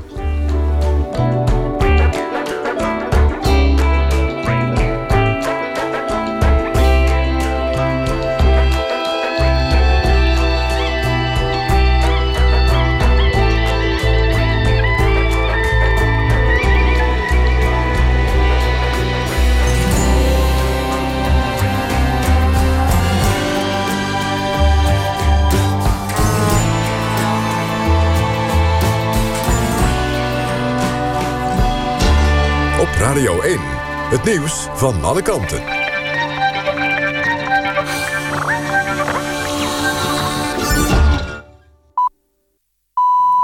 1 uur, Jeroen van Kam met het NOS Journaal. Rebellenbeweging FARC en de Colombiaanse regering hebben het verdrag getekend... dat een eind moet maken aan een strijd van 52 jaar in het Latijns-Amerikaanse land. Zondag is er nog wel een referendum... waarin de Colombianen zich kunnen uitspreken over het verdrag. Bij de ceremonie waren 2500 gasten aanwezig...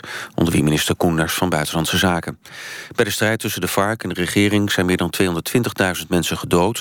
en 8 miljoen mensen zijn uit hun huis verjaagd. De EU maakte vanavond bekend dat de FARC van de Europese terreurlijst wordt geschrapt. De NAM, de Nederlandse aardoliemaatschappij, vindt een vergoeding voor de waardedaling van niet verkochte huizen in het aardbevingsgebied in Groningen dubbelop. Volgens de NAM neemt het bedrijf en de overheid al genoeg maatregelen om het ongemak door gaswinning in Noordoost-Groningen te beperken, schrijft het Dagblad van het Noorden. De NAM compenseert mensen op het moment dat ze hun huis verkopen. Volgens het bedrijf kun je dan pas vaststellen hoeveel een woning in waarde is gedaald. Een 19-jarige Amsterdammer die zich wilde aansluiten bij IS in Syrië... moet van de rechter een enkelband om. Dat is om na te gaan of hij niet te dicht bij de grens komt... of naar een luchthaven gaat. Ook heeft hij een taakstraf gekregen van 120 uur. De rechtbank sprak hem vrij van het voorbereiden van een terreurdaad... omdat daarvoor geen bewijs is gevonden. De Constantijn Huygensprijs gaat dit jaar naar schrijver Atte Jongstra. Hij krijgt de prijs voor zijn hele oeuvre. Volgens de jury beoefent hij de literatuur als een aanstekelijk en lichtvoetig spel van stijlen en vormen. Aan de prijs is een bedrag verbonden van 10.000 euro. Vorig jaar werd de prijs toegekend aan Adriaan van Dis. Het weer tot besluit. Vannacht koelt het vooral in het oosten van het land flink af naar een graad of 6. Er is ook kans op mist. Aan de kust blijft het bewolkt en wordt het niet kouder dan een graad of 11. Morgen is het in het westen vaker bewolkt en in het oosten schijnt nog lange tijd de zon. Het wordt 18 tot 21 graden. Dit was het NOS Journaal. NPO Radio 1. VPRO. Nooit meer slapen.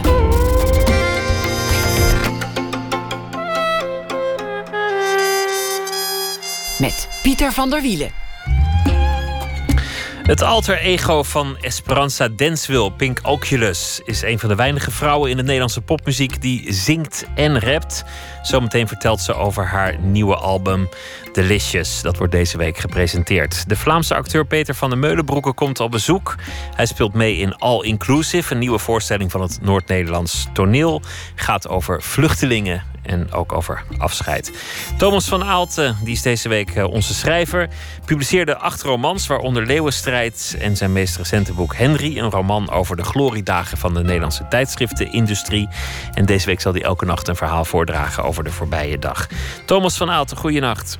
Goeienacht. Leuk dat ik je deze week elke nacht eh, even aan de telefoon mag hebben. Wat was het eh, voor dag?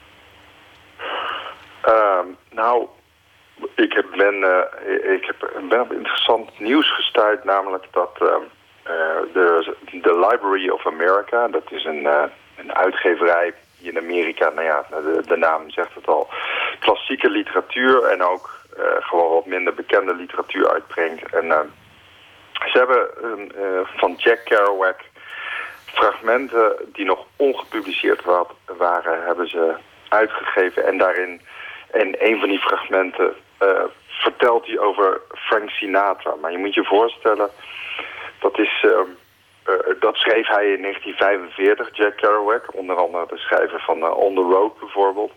Nou ja, wij hebben nu hè, onze associatie met Sinatra. Ik weet niet wat jouw associatie erbij is. Vele associaties met, met Sinatra. Ja, maar is het de stem van de jeugd of de stem van, nou ja, van voorbije jaren? Nou, zo, zo zie ik dat eigenlijk niet. Maar ik zie, ik zie in Sinatra altijd de, de man die de bodem heeft geraakt... en daarna tot, tot zijn uh, eigen plezier ook weer de top heeft bereikt. Nou, kijk, en dan zeg je het mooi. En uh, in, in zijn begindagen, eh, toen hij zelf nog jeugdig was... toen was hij nog...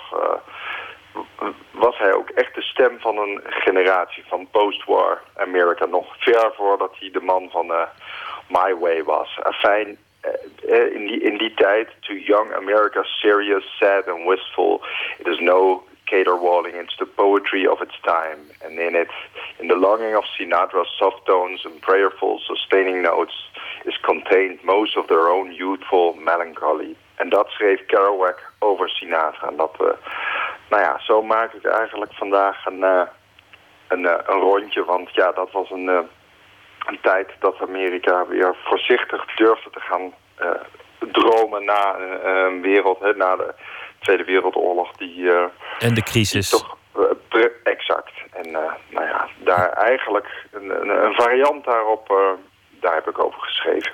Ga je gang. Het leek net lente.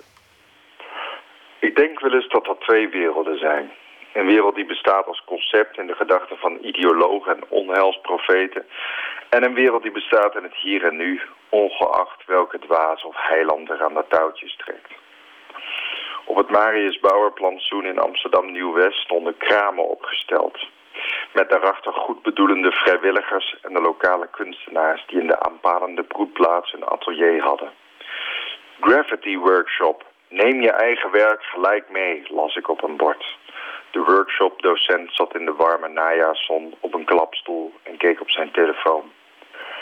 Een bezoeker hield een LP in de lucht voor een man die haar vergezelde. Hij zat in een rolstoel. Het was een LP van de BBC-serie The Singing Detective. De man schudde zijn hoofd. Ik schuifelde langs de kraam en vroeg het meisje wat ze voor het album moest hebben. Twee euro. Ik had geen kleingeld, ik moest dus binnen. Ik hou hem voor u apart, zei het meisje. En dat ontroerde me, omdat ander geïnteresseerd publiek voorlopig nog ver weg was. Ik pinde bij de automaat, maar het meisje achter de kraam had hier natuurlijk niet van terug, redeneerde ik. Dus kocht ik bloemen bij de servicebalie, zodat ik geld terugkreeg. Want ik durf eigenlijk nooit te vragen aan zo'n medewerker of ik kan wisselen zonder tegenprestatie. Dus daar liep ik, uiteindelijk met een kinderwagen met bloemen en een LP van een singing detective. Er staat een nummer op uit de musical State Fair uit 1945. Gezongen door Dick Hames en later ook door Sinatra. It might as well be spring. De wereld staat in brand. Maar het lijkt net lente. It might as well be spring. Ja, mooi nummer. En, en hoe... Uh, ik vind het ook wel, wel, grappig, want het is toch waar wat je zegt. Frank Sinatra associeer je een beetje met... Uh, ja, misschien meer met Las Vegas dan met, met iets anders. En Jack Kerouac, dan, dan denk je toch aan benzodrine trips en, en bebop en, en uh, auto's in puin rijden. En dat Sinatra daar toch ook ooit bij gepast heeft, is, is toch wonderlijk. Dat, uh, ja, nou is, zal dat wel echt in, die, in zijn begintijd uh, van Kerouac geweest zijn. De, de, maar ik vond het... ik vond het vooral mooi dat de, als je beseft dat Sinatra nu geloof ik 101 geworden zou zijn en dat zijn muziek nog zo, eigenlijk nog tijdloos is, maar... En dat is volgens mij een thema van al die verhaaltjes die ik hier s'nachts uh, bij jou heb voorgelezen. Uiteindelijk komt ook alles terug, weet je. Die, de wereld staat ook nu nog in brand en weer. Maar toch is, gloort er altijd nog weer hoop. Omdat het soms net lente lijkt. Al staan we nu aan de vooravond van een, van een gure herfst, als ik dat mag geloven. En toch kan het zomaar lente zijn. Thomas, dank je wel. En een uh, goede nacht en heel graag tot morgen. Geen dank. Tot morgen. In oktober komt er een uh, nieuwe plaat van uh, Leonard Cohen, inmiddels 82 jaar oud. De ouderdom heeft hem niet milder gemaakt, want zijn meest bekende nummer is uh, Halleluja. In 2016 schrijft hij met bijtende scherpte het leven op deze nietige aarde en vooral eh, de rol van religies. Daar is hij vrij veel over. If you are the dealer, I'm out of the game. Het nummer heet You Want It Darker.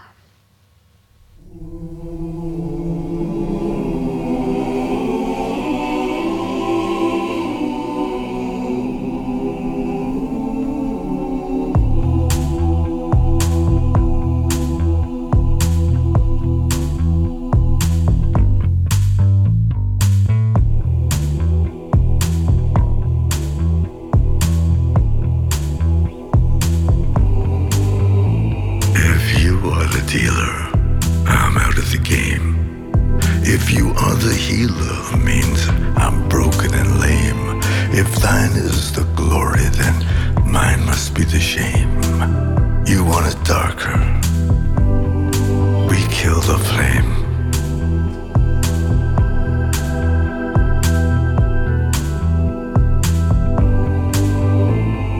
Magnified, sanctified be thy holy name crucified, crucified in the human frame. A million candles burning for the help that never came. You want it darker.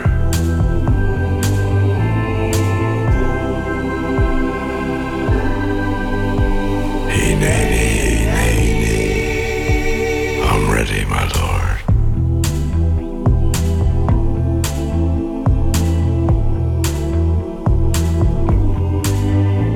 There's a lover in the story, but the story's still the same. There's a lullaby for suffering and a paradox to blame. But it's written in the scriptures and it's not some idle claim.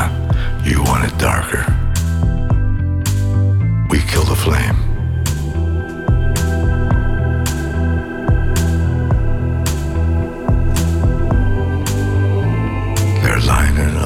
prisoners and the guards had taken aim.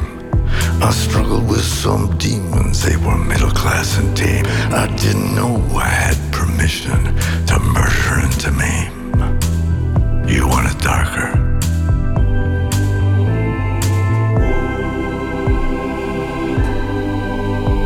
He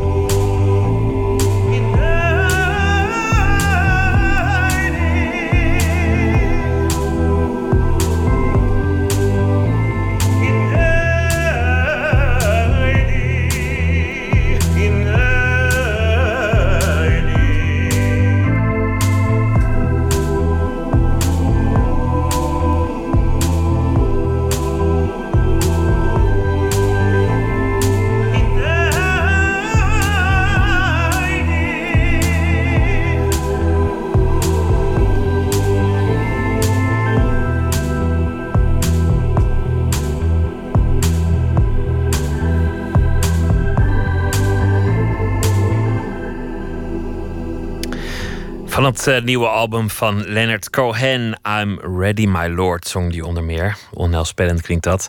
En het eh, nummer heet, net als het album, You Want It Darker. Nooit meer slapen. Ze noemt zichzelf de zingende rapper, ook wel de rappende zangeres. Esperanza Denswil, beter bekend als Pink Oculus, debuteerde drie jaar geleden met de single Sweat. Ze verzorgde ook de aftershows van onder meer D'Angelo en Stromae. Ook maakte ze deel uit van de groep Refreshed Orchestra. En onlangs heeft eh, Pink Oculus getekend bij het label Top Notch. Komend weekende verschijnt dan ook een mini-LP, Delicious. En onze verslaggever Nicole Terborg zocht daarop.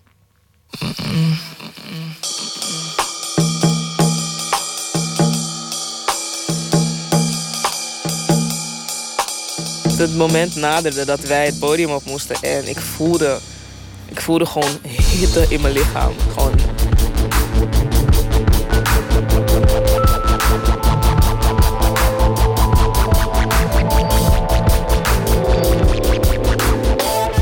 Pink Oculus, dat ben ik. Pink Oculus is Esperanza. Die espresso voor Esperanza.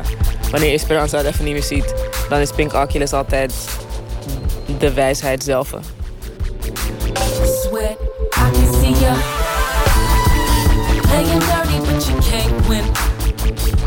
Esperanza zingt, rapt, schrijft eigen teksten, produceert muziek en acteert. Als tiener zat ze op de dansacademie van Lucien Martas. Bij de artiest denk je ook aan styling, waar je haar meerdere kanten terugziet. Van een zwarte latex of leren catsuit met gaatjes tot een maatpak. Ik vind styling het, een van de belangrijkste dingen die er is. Het gaat om, het is expressie. Want je wil, um, net zoals wanneer je muziek maakt, wil je een verhaal vertellen. Dus um, ik doe dat met mijn styling.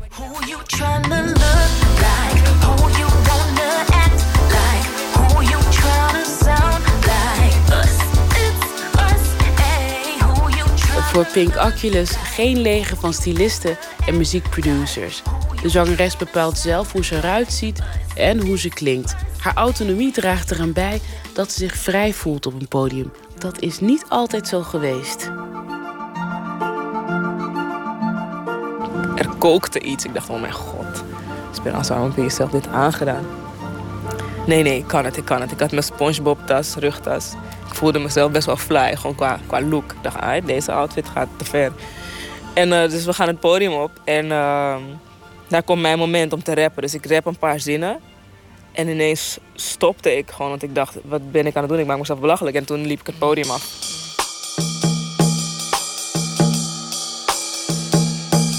De groei die ik heb gemaakt van toen tot nu, is dat ik um, niet meer onzeker ben op een podium. Want dat ben ik lang geweest. Wat daar gebeurde, is uh, gewoon te veel nadenken. Te veel in je hoofd zitten. Is een groot verschil, zeg maar, toen ik twintig was en nu. Nu doe ik het misschien zelfs meer dan ik toen deed. Te veel nadenken ergens over. Maar nu zijn mijn gedachten positief.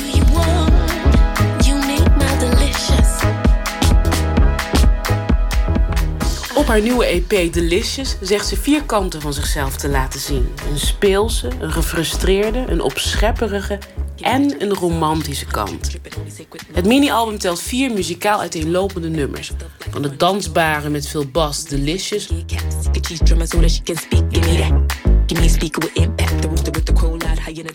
tot het nummer Birds. I watched ten birds today and all I needed was you there to watch them with me. Oh my God, what a feeling it did give me to see them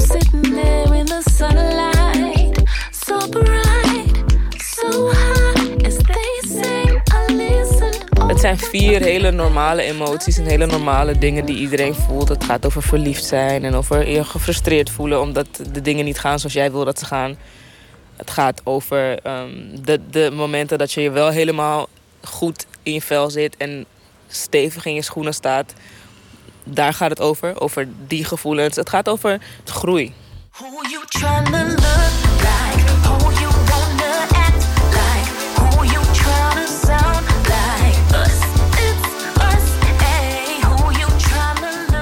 eraan gewerkt samen met Bajeka, mijn co-producers. Ik heb zelf geproduceerd ook voor het eerst op deze EP. En dat is iets wat ik zeker wil blijven doen, omdat je, je kan duidelijk jou, jouw wereld delen als je meer kleuren hebt om mee te schilderen. I champion, escape from prison, on the run, I'm all adrenaline. Uh. Pulp and cop guns, dread abandoned. Keep going until I see the sun. Out my hideaway to my sanctuary. Any asylum, I don't need one. Getting closer, out the dark, I'm led by the woman I have become. Ben jij streng voor jezelf? Ehm, ja, soms iets te streng waardoor ik blokkeer. Soms, meestal eigenlijk, ben ik te streng voor mezelf. En dan leg ik mezelf allerlei grenzen. en Dan blokkeer ik mezelf een beetje daarmee. Omdat ik... eh, omdat ik dan, ja... vind dat het beter moet. Of ik vind dat ik iets, iets meteen in één keer moet kunnen. Of, weet je, allemaal een beetje onrealistische... Jij bent streng eh, dus voor jezelf, zeg je. Maar kan je een moment beschrijven? Dat wil ik liever niet delen op de radio. En waarom zou je, het niet willen, en waarom zou je het niet willen delen trouwens? Omdat, ja, ik weet niet, zo ben ik. ik uh, frustraties. Als het gaat over iets waarin ik moet groeien, of het als het gaat over iets waarin ik nog niet echt goed ben, dan wil ik dat niet delen. Dan wil ik eerst goed erin worden, beter erin worden, ervoor zorgen dat ik uitblink en dan wil ik het. Uh, Oculus,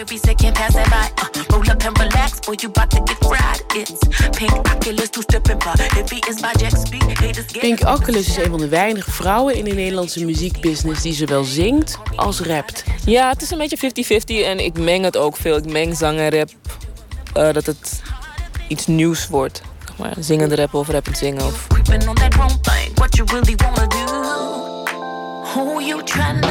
Hey lovelies, Pink Oculus hier. En op deze mooie lentedag heb ik nieuws. Omdat ik het allerbeste van mezelf aan jullie wil geven, zoals ik altijd doe, ben ik genoodzaakt de EP-release van 29 april te verschuiven naar oktober. Hoor je denken, wow. De zon schijnt. Het is eind april van dit jaar. Met twee knotjes op haar hoofd vertelt Esperanza in deze selfie-video... dat ze de release van een mini-album uitstelt. Ik was niet tevreden met eh, het product. De muziek was al af en dat was allemaal al gewoon cool. Maar wat er omheen gebeurde was, was niet wat ik wilde.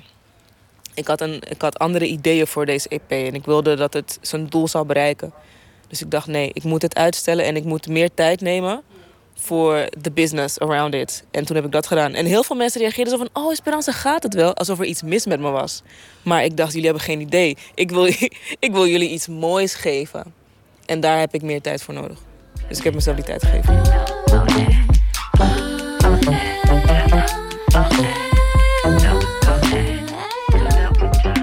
Maar wat was dan niet goed? Ehm, het, de, de aankleding. Laat ik het zo noemen. En dat mag je gewoon zelf invullen wat, dat, wat ik daarmee bedoel. Ja, ik denk dan als ik aan, eh, aan jou denk, dan denk ik natuurlijk aan de beelden die je uitdraagt. Aan alles wat daarbij hoort. Dan denk ik aan foto, promotiemateriaal, het beeld dat je wil uitdragen, alles. Ik zeg geen ja of geen of nee op wat je zegt. Waarom ben je zo gesloten? Omdat... 1 Waar ben je oktober- bang voor? Ik ben niet bang. 1 oktober. Na 1 oktober wil ik, kan ik vrij over alles praten. Wat ik wel kan vertellen is dat eh, ik heel blij ben dat ik dat besluit heb genomen. Want ik durfde het eigenlijk niet. Ik dacht, shit, ik, ehm, eh, dat is al naar buiten gebracht, het nieuws. Dat er een EP aan zit te komen. Ik kan niet nu ineens een paar dagen voor die release of een paar weken. Ik weet niet meer precies hoe, wanneer ik het filmpje had eh, gepost. Ik kan niet nu ineens zeggen van, oh nee, toch niet. That's weak. Maar eigenlijk zat daar juist mijn kracht in. Want ik was niet klaar ervoor. Give me the dudes in charge. Back, back stuff like the front is Joe's, give me that. Give me the freaks and gay cats. Get cheese drummers so that she can speak, give me that. Give me the speak. En je was toen niet tevreden. Hoe zit dat nu? Oh, nu... I'm all good. Nu denk ik, wacht, wacht maar. Wachten jullie maar. Wat ik voor je heb. What a feeling. I watched you play today. No words, but four eyes locked in a gaze. Nothing existed. Oh my God. What a feeling it did give me to speak what I have felt for a long time. Now your heart's complete. Gewoon die kans krijgen om op te treden. En elke keer een blij publiek achter te laten. Dat is vrijheid. Op het podium staan en me echt kunnen uiten wat ik werkelijk voel. Dat is vrijheid voor mij.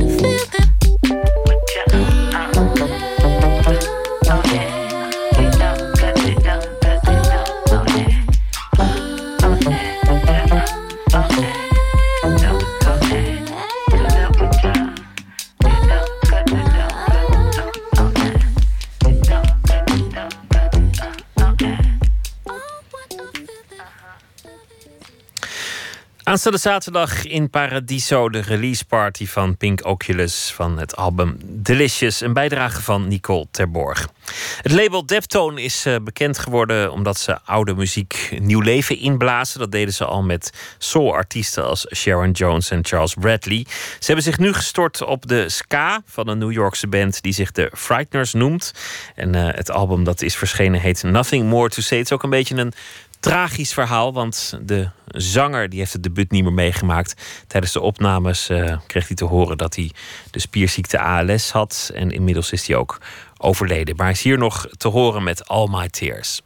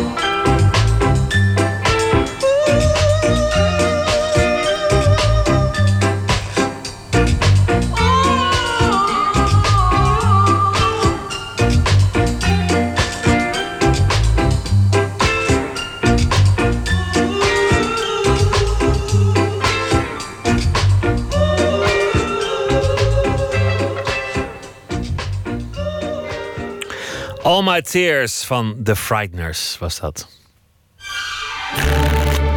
Open kaart. Een bak met 150 vragen, vragen over werk en leven. En op elke kaart staat een vraag. En zo wordt het uh, gesprek mede door de willekeur bepaald. Na acht jaar neemt zo'n beetje het hele artistieke team van het Noord-Nederlands toneel afscheid van Groningen en Nederland. Met een voorstelling All Inclusive. Een voorstelling over de vluchtelingenproblematiek. Peter van der Meulenbroek is een van de vaste acteurs. En hij zit ook in deze voorstelling. Hartelijk welkom. Dank u wel. Ja, de, de, de voorstelling. Het gaat over de vluchtelingenproblematiek. Maar, maar dat is natuurlijk iets waar, waar zoveel over gezegd is. En wat ook zo'n groot probleem is. Hoe, hoe maak je daar nou een voorstelling van? Nou ja, om het onderscheid al te willen maken, is dan dat het nu gaat. De vluchtelingenproblematiek. Als we nu gewoon, gewoon vluchtelingen noemen en niet problematiek. En er geen probleem van maken, maar proberen te zoeken naar de oplossing. Ja. Althans, zeker in kaart proberen brengen waar de oplossingen zitten waar die niet met elkaar overeenkomen, waardoor het zogezegd een probleem zou zijn. Klinkt heel ingewikkeld, maar we pogen eerder om vanuit elk perspectief, vanuit het hier en nu, met een maatschappij van het hier. en op zich vinden was een, dit, idee is ontstaan jaren geleden eigenlijk al. We hebben dat bedacht dat we daar iets over wilden maken. Want toen was het nog, was het net ontploft. Is nog steeds razend actueel natuurlijk. Maar ondertussen zijn er al heel veel voorstellingen over gemaakt.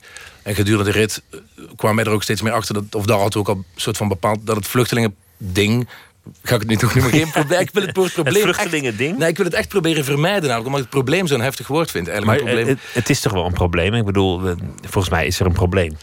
Uh, ja, er, ja er, is van alles aan de hand en we moeten, we moeten die oplossingen gaan vinden om, om, om, het, om, het, om, het, om het niet te laten escaleren naar, naar wat er nu allemaal aan het plaatsvinden is. Maar, maar wij worden vooral, um, omdat het ook een uiting is van hoe het binnen onze maatschappij binnen ons allemaal. Als het gewoon, we, hebben het ook nu naar een, naar een bar getrokken... waar, waar verschillende personages van allerlei uh, huishoudens samenkomen... en staan voor hun kleur, hun palet, hun ding, hun geloof.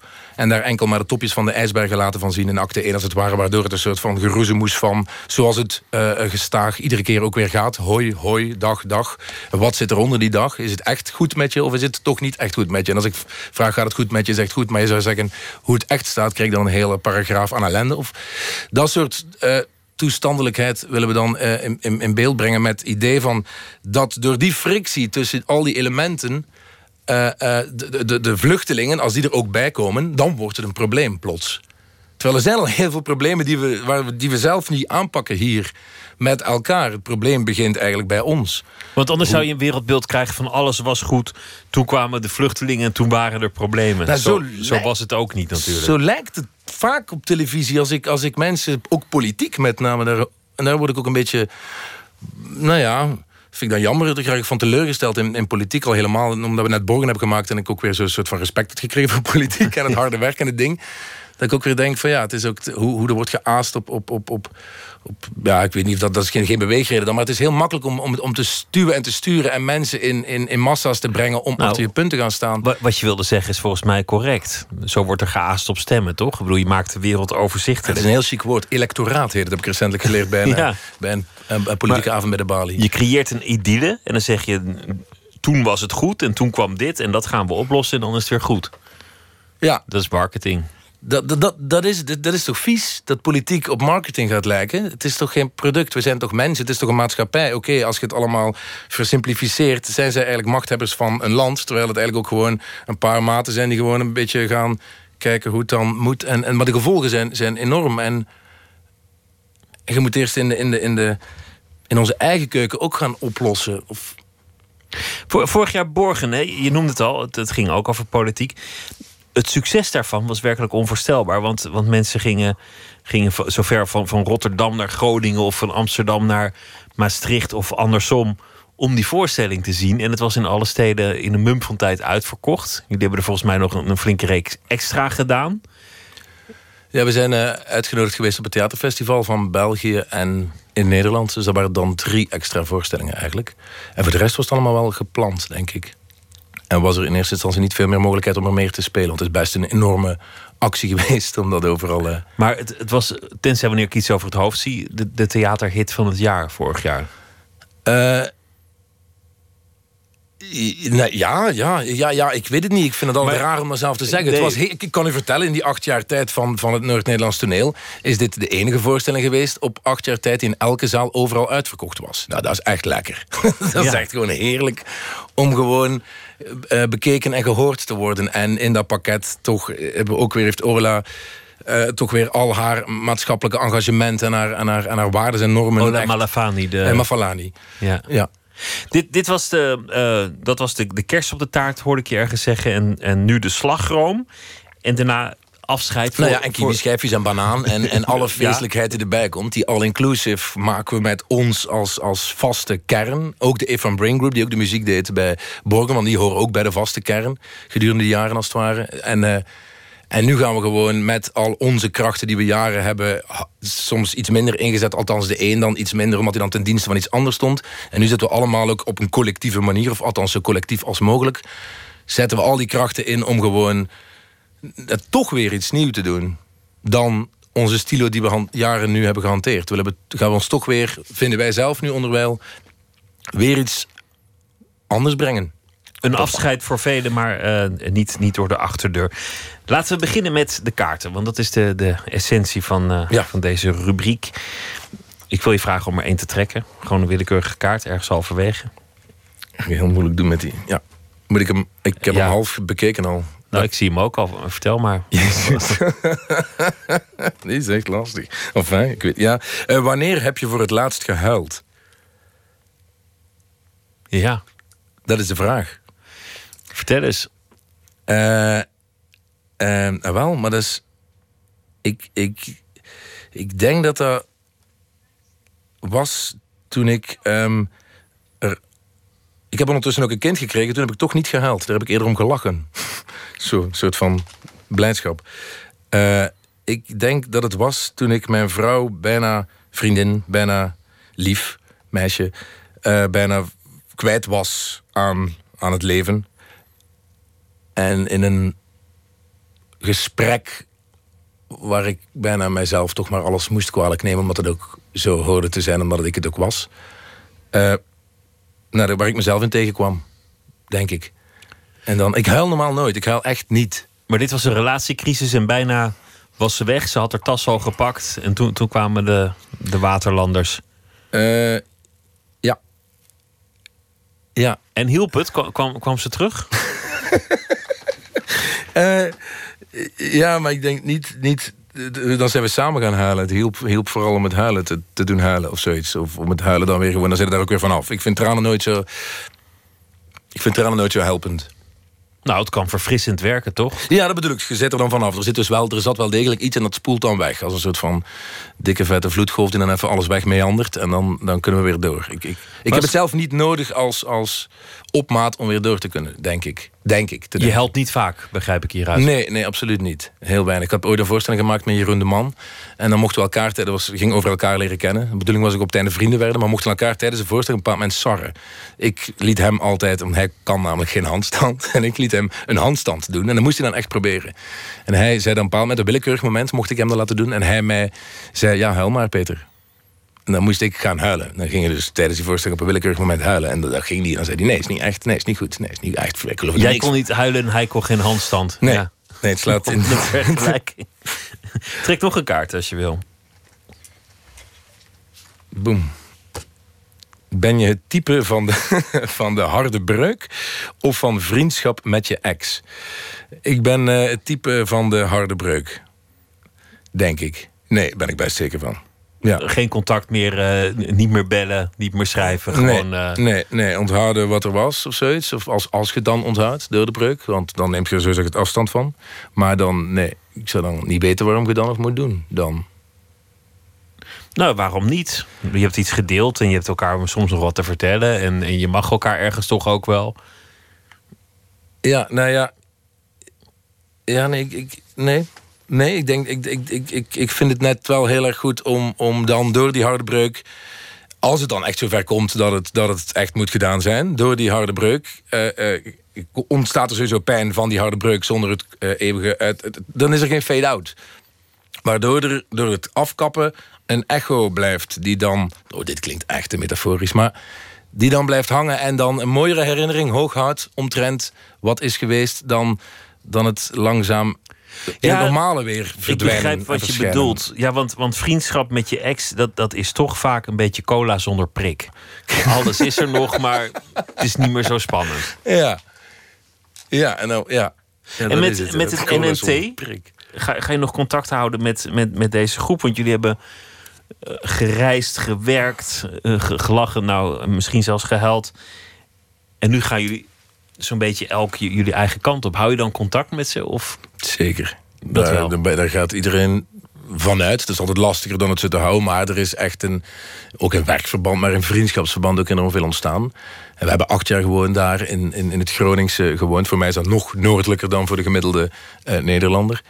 En, en we hebben er echt een, een, gezinnetje bij. Het is een soort van familiebedrijf, het Noord-Nederlands toneel. Dan wat ook een enorme kracht is. Want daardoor ontstaat daar direct een, rust. Dus Je zit zo ver van de druk van het moeten of van de omgeving die je, die je vooruit stuwt. Waardoor je zelf het, het, eh, de motor zet daar. En, en we zijn echt dan, ook als die vaste club, ook vaak gasten gehad. En die altijd, tem, allee, een soort van, "Poeh, kom niet maar lekker rustig. En, en dan beginnen en dan zijn er een enorme kracht samen.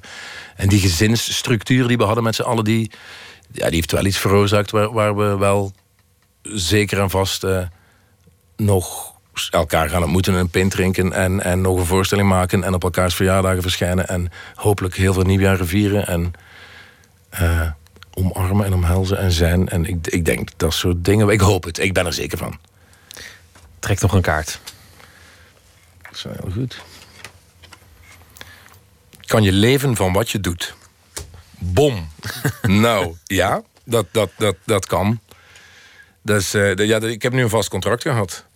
Ik moet er allemaal heel eerlijk op antwoorden, dit. Is het dan? Ja, dit is in- informatief en interessant. Ja, nee, nee, ja, dat is ook wel... Ja, het is ook raar dat ik dit kan zeggen, want het is ook gesubsidieerd geld. Wel een dubbel gevoel, maar dat is ook helemaal niet. Want ik heb bloeihard gewerkt, ik heb heel hard gewerkt.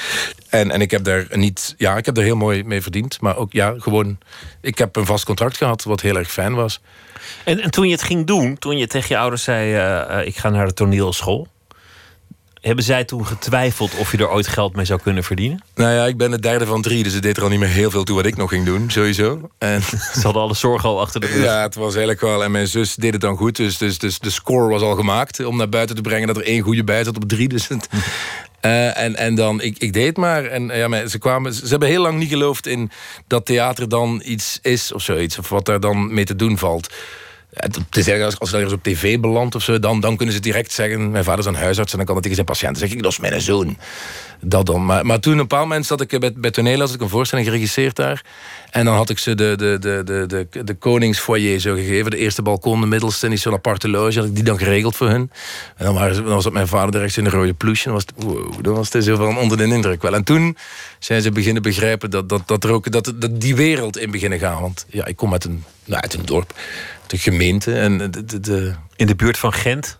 Ja, Wetteren. Wetteren. Wetteren in de buurt van Gent. En je ouders die, die gingen niet naar, naar, naar de Schouwburg. Die kenden de wereld niet van, van het toneel. Nou, amateurtoneel en lokale toestanden. Daar hebben we wel een jeugdtheater hebben gedaan en altijd wel bezig zijn en cultureel wel daar bedreven in, in animatorische toestanden en zo. En, en, maar, maar echt gewoon naar een voorstelling gaan kijken, of als naar een opera of als naar een, naar een, naar een stuk. Nee. En hoe kwam het dan op jouw pad? Ja, jeugdtheater altijd gedaan. Ik zat al een Playmobil te spelen. En had een, ze een- mijn zus en mijn broer zaten in het jeugdtheater. En had ze een jong prinsje nodig die dan heel snel vervangen moest worden door de echte hoofdrolprins. Want dat zijn zijn jonge jaren. En dan moest ik dat doen. Ik had helemaal geen zin in, want ik was met mijn Playmobil echt in een vette episode beland waar de cowboys de indianen gingen. Ja, enfin.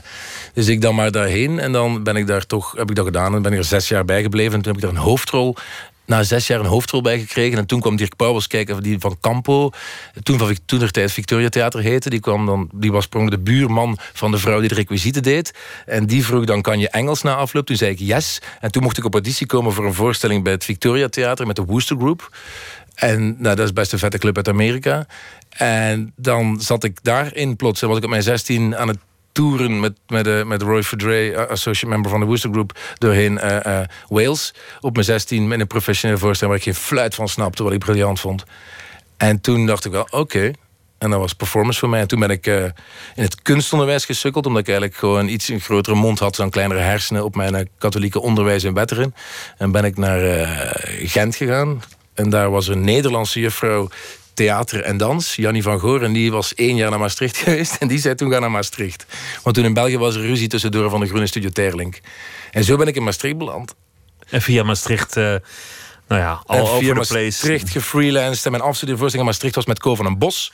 Die heeft me dan drie jaar later gevraagd om in een, in een stuk te spelen... wat Ola toen regisseerde, Frankenstein. Uh, dat Ko had geschreven, zelf. Uh, ooit voor het oude NNT al in opdracht geschreven... en dan zelf ook nog eens willen heruitvoeren. En die heeft Ola toen geregisseerd. En zo toevallig toen, pam, pom, paf, pik, tok, tik... ben ik dan nu... heb ik acht jaar in uh, trouwe dienst geweest van Ola Mafalani. ja, van, het, van het NNT. Van het Noord-Nederlands toneel, ja. En nu nog uh, één keer te zien met z'n allen met All Inclusive... de voorstelling van het Noord-Nederlands toneel. Peter van der Meulenbroeke, dank je wel. Is graag gedaan. Is 9, uh, oh, bijna, zijn we er al af? Nee, nee hoor. Is, uh, 9 oktober première trouwens. Daar moet ik er dan toch bij zeggen. Hè? Ja, 9 oktober begint En dan tot 30 november ten lande. Dankjewel. Jo. En de try-outs die zijn uh, vanaf 6 oktober, overigens.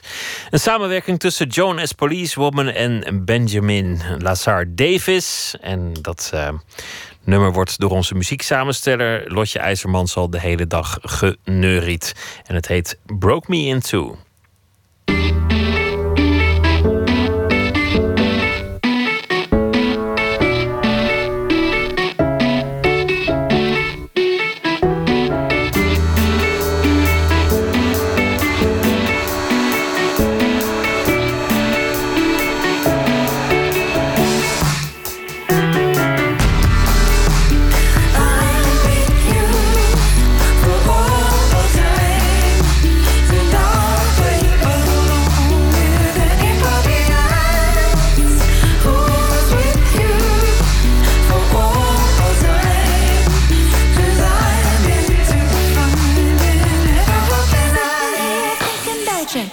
About the way your hands took me with you, and I will never, I'll never hesitate because ooh, you broke me in two like a lightning bolt hits the sea. You cut deep down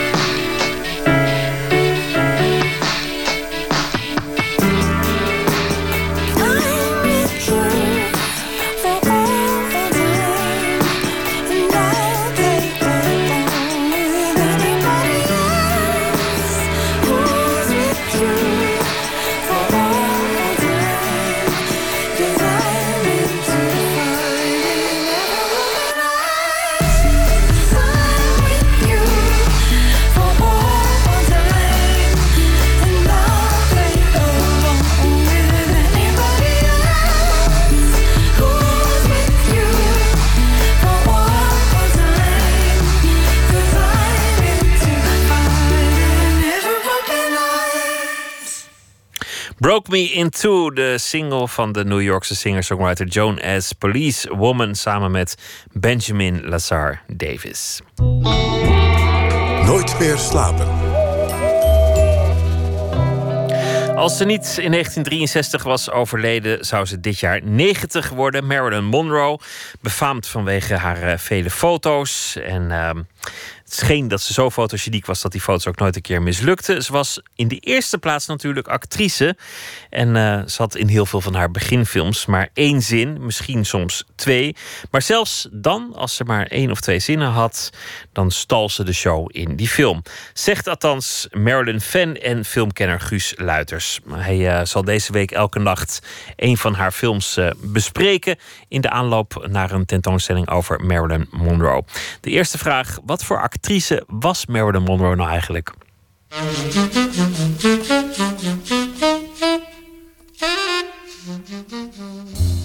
Marilyn Monroe is een voortreffelijke comedienne. is echt een uh, uitstekende uh, actrice. Maar vooral in films waar uh, die grappig bedoeld zijn, is ze op haar best. Ik vind haar in die dramatische rollen die dan altijd zo nodig gespeeld moesten worden, vind ik ja, vind ik niet zo interessant. Maar die films zijn ook niet zo heel erg interessant. Dat is natuurlijk een probleem. Dus een actrice, een acteur is zo goed als de film is. Hoe beter de film is, hoe beter de acteur is. Dat, dat is gewoon zo. Maar in haar beste films is ze meesterlijk. Love happy, I'm love happy. It's wonderful to know the meaning.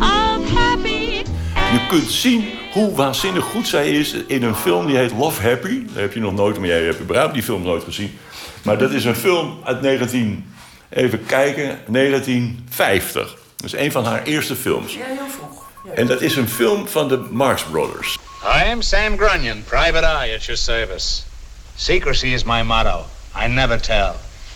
You will notice even my business card There's nothing on it. En dat is verreweg de slechtste film die de Marx Brothers ooit gemaakt hebben. Want die films van de Marx Brothers, dat zijn al niet van die hele leuke films.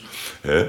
Die schijnen dus op toneel hilarisch te zijn geweest. De tent werd iedere avond afgebroken als die uh, optraden. Maar in die films, ja, daar is dat allemaal gestileerd.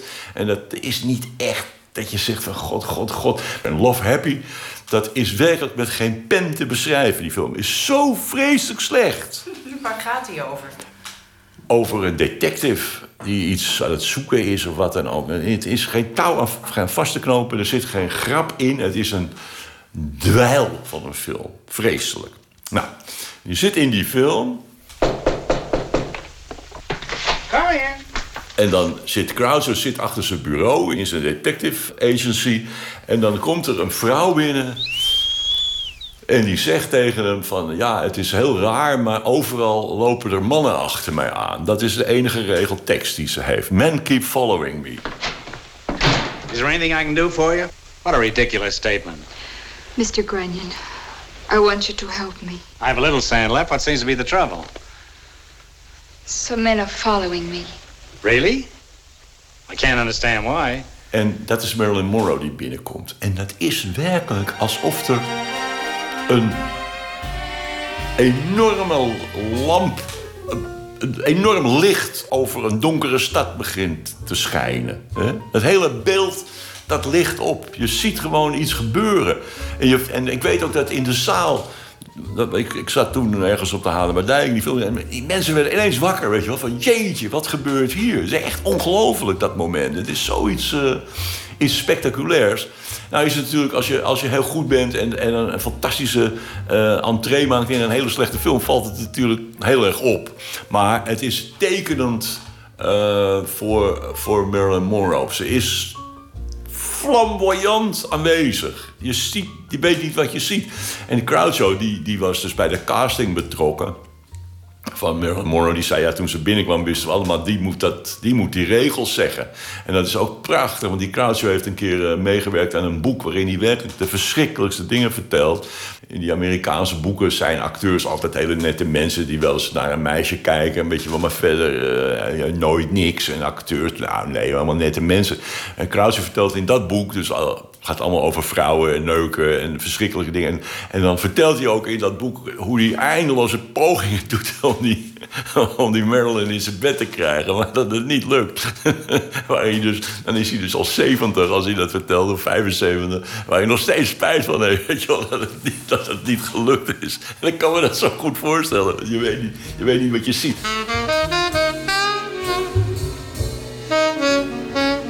En dat is dus laten we zeggen, een van de van de kwaliteiten van, eh, van Monroe is dat je er altijd ziet. Hè? Dit, ik heb een boek gemaakt, zoals je weet. En dan, daar staan dus duizend foto's in van Marilyn Monroe. Er zit geen één slechte foto bij. En ook al staat ze in een menigte van 10.000 mensen... woep, je ziet waar zij staat. Wat is dat toch? Ja, daar is een soort eh, eh, eh, lamp die zit van binnen. En die kon ze ook aan en uitzetten. En op film is mijn theorie, had ze het daar, kon ze dat ook, maar was dat veel moeilijker. Want dat was geen moment, maar dat duurde natuurlijk heel lang. En vandaar ook denk ik dat zij zo eh, berucht was om al die takes die er altijd gemaakt moesten worden. Hè, van simpele scènes waar ze eh, die soms wel 30, 40 keer over moesten, omdat ze dan iets fout deed. Ze plakte briefjes en dit en dat. En dan toch. Billy Wilder die werd stapel gek van haar. Die heeft dus twee films met haar gemaakt. Seven Year Itch en Some Like It Hot. Die werd er helemaal gek van. Maar die zei, ja, je moet het... Ik heb het er wel voor over, want... eh, beter dan Marilyn Monroe krijg je het niet.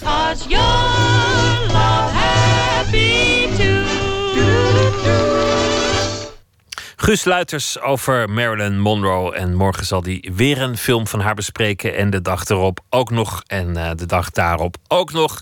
En in de Nieuwe Kerk in Amsterdam begint komend weekende een tentoonstelling over Marilyn Monroe. We gaan eh, luisteren naar eh, het gezelschap Avec met het nummer Youth.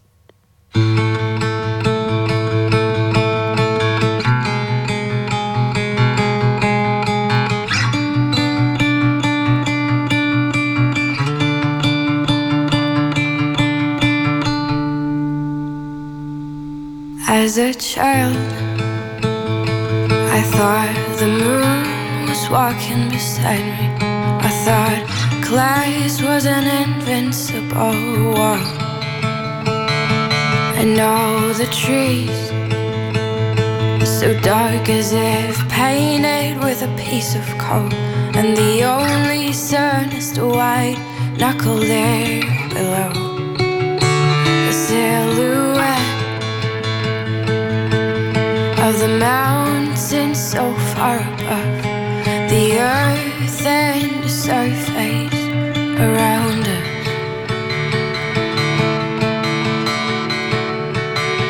But it was you, oh, it was you who took the crown so selfishly, who won the gold and broke the key. But it.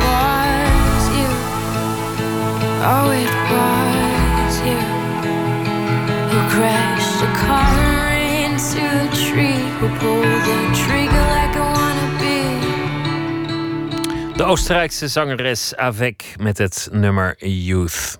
Voor de vierde keer organiseren Grenzeloos Geluid en In the Dark België dit jaar de Korte Golf radiowedstrijd. Iedereen mag meedoen.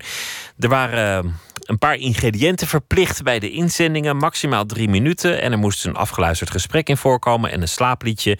En er moest ook een eh, kledingstuk in de titel worden genoemd. We laten elke nacht eh, een van de inzendingen horen vannacht onder mijn jas van Anke van Meer.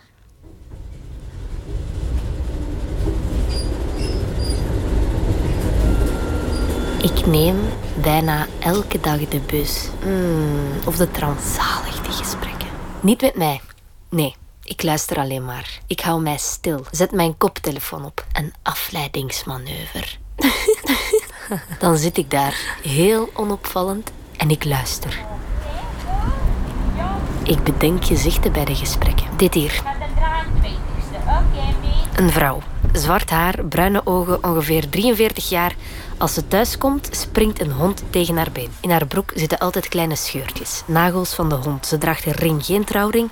Ze is alleen, met haar hond. Dat is goed, dat is prima. Dat is heel goed. Oké, ja, bedankt. Ja. Terwijl ik afluister, verplicht ik mezelf niet achterom te kijken. Het zou zijn zoals een verfilming van een boek. Een teleurstelling. achterom kijken. Het hoofdpersonage ziet er anders uit. Je hele beeld naar de knoppen. Soms doe ik alsof ik lees. Super onopvallend. Niemand die mij ziet. Niemand die mij hoort. Alleen het geritsel van de bladeren van mijn boek. Sst. Stil.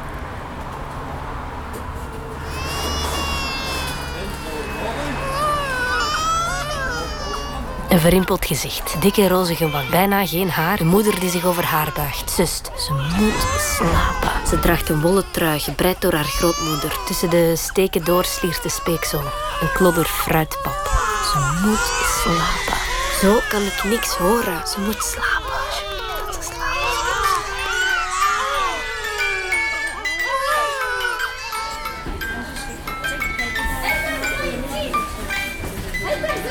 Alle stemmen die ik hoor, sla ik op.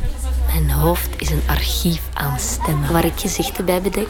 Het enige voor mij nog onbekende gezicht is dit. Volgende halte, Sport, Sportpaleis, Lotto Arena. Soms neem ik mijn dictafoon mee op de bus. Dan neem ik de gesprekken op. Thuis houden ze mij dan gezelschap. Want als ik op play druk, praten ze. Hé hey, hoe is het? Alles goed? Dat, dat was een man met een bril en grijs haar. Niet dat hij heel oud is, gewoon vroegtijdig grijs. Ik vraag mij soms wel af hoe ik klink, hoe ik eruit zie. Allee, het is te zeggen, ik weet wel hoe ik eruit zie. Ik draag meestal een jas, maar of dat te horen is, dat vraag ik mij nu eens echt af. Oh, de bus rijdt weer voorbij de kerk. Volgende halte de supermarkt. De bus stopt. Ik hoor mensen opstappen met gevulde zakken. Niet achterom kijken. Niet achterom kijken. Een van de vijf genomineerden van de Korte Golf radiowedstrijd uitreiking komende zondag in Amsterdam in de Brakke Grond. Dit was Nooit meer slapen. Morgen zijn we er weer. Dan is Douwe Draaisma te gast. En ik wens u nu een hele goede nacht. Op Radio 1, het nieuws van alle kanten.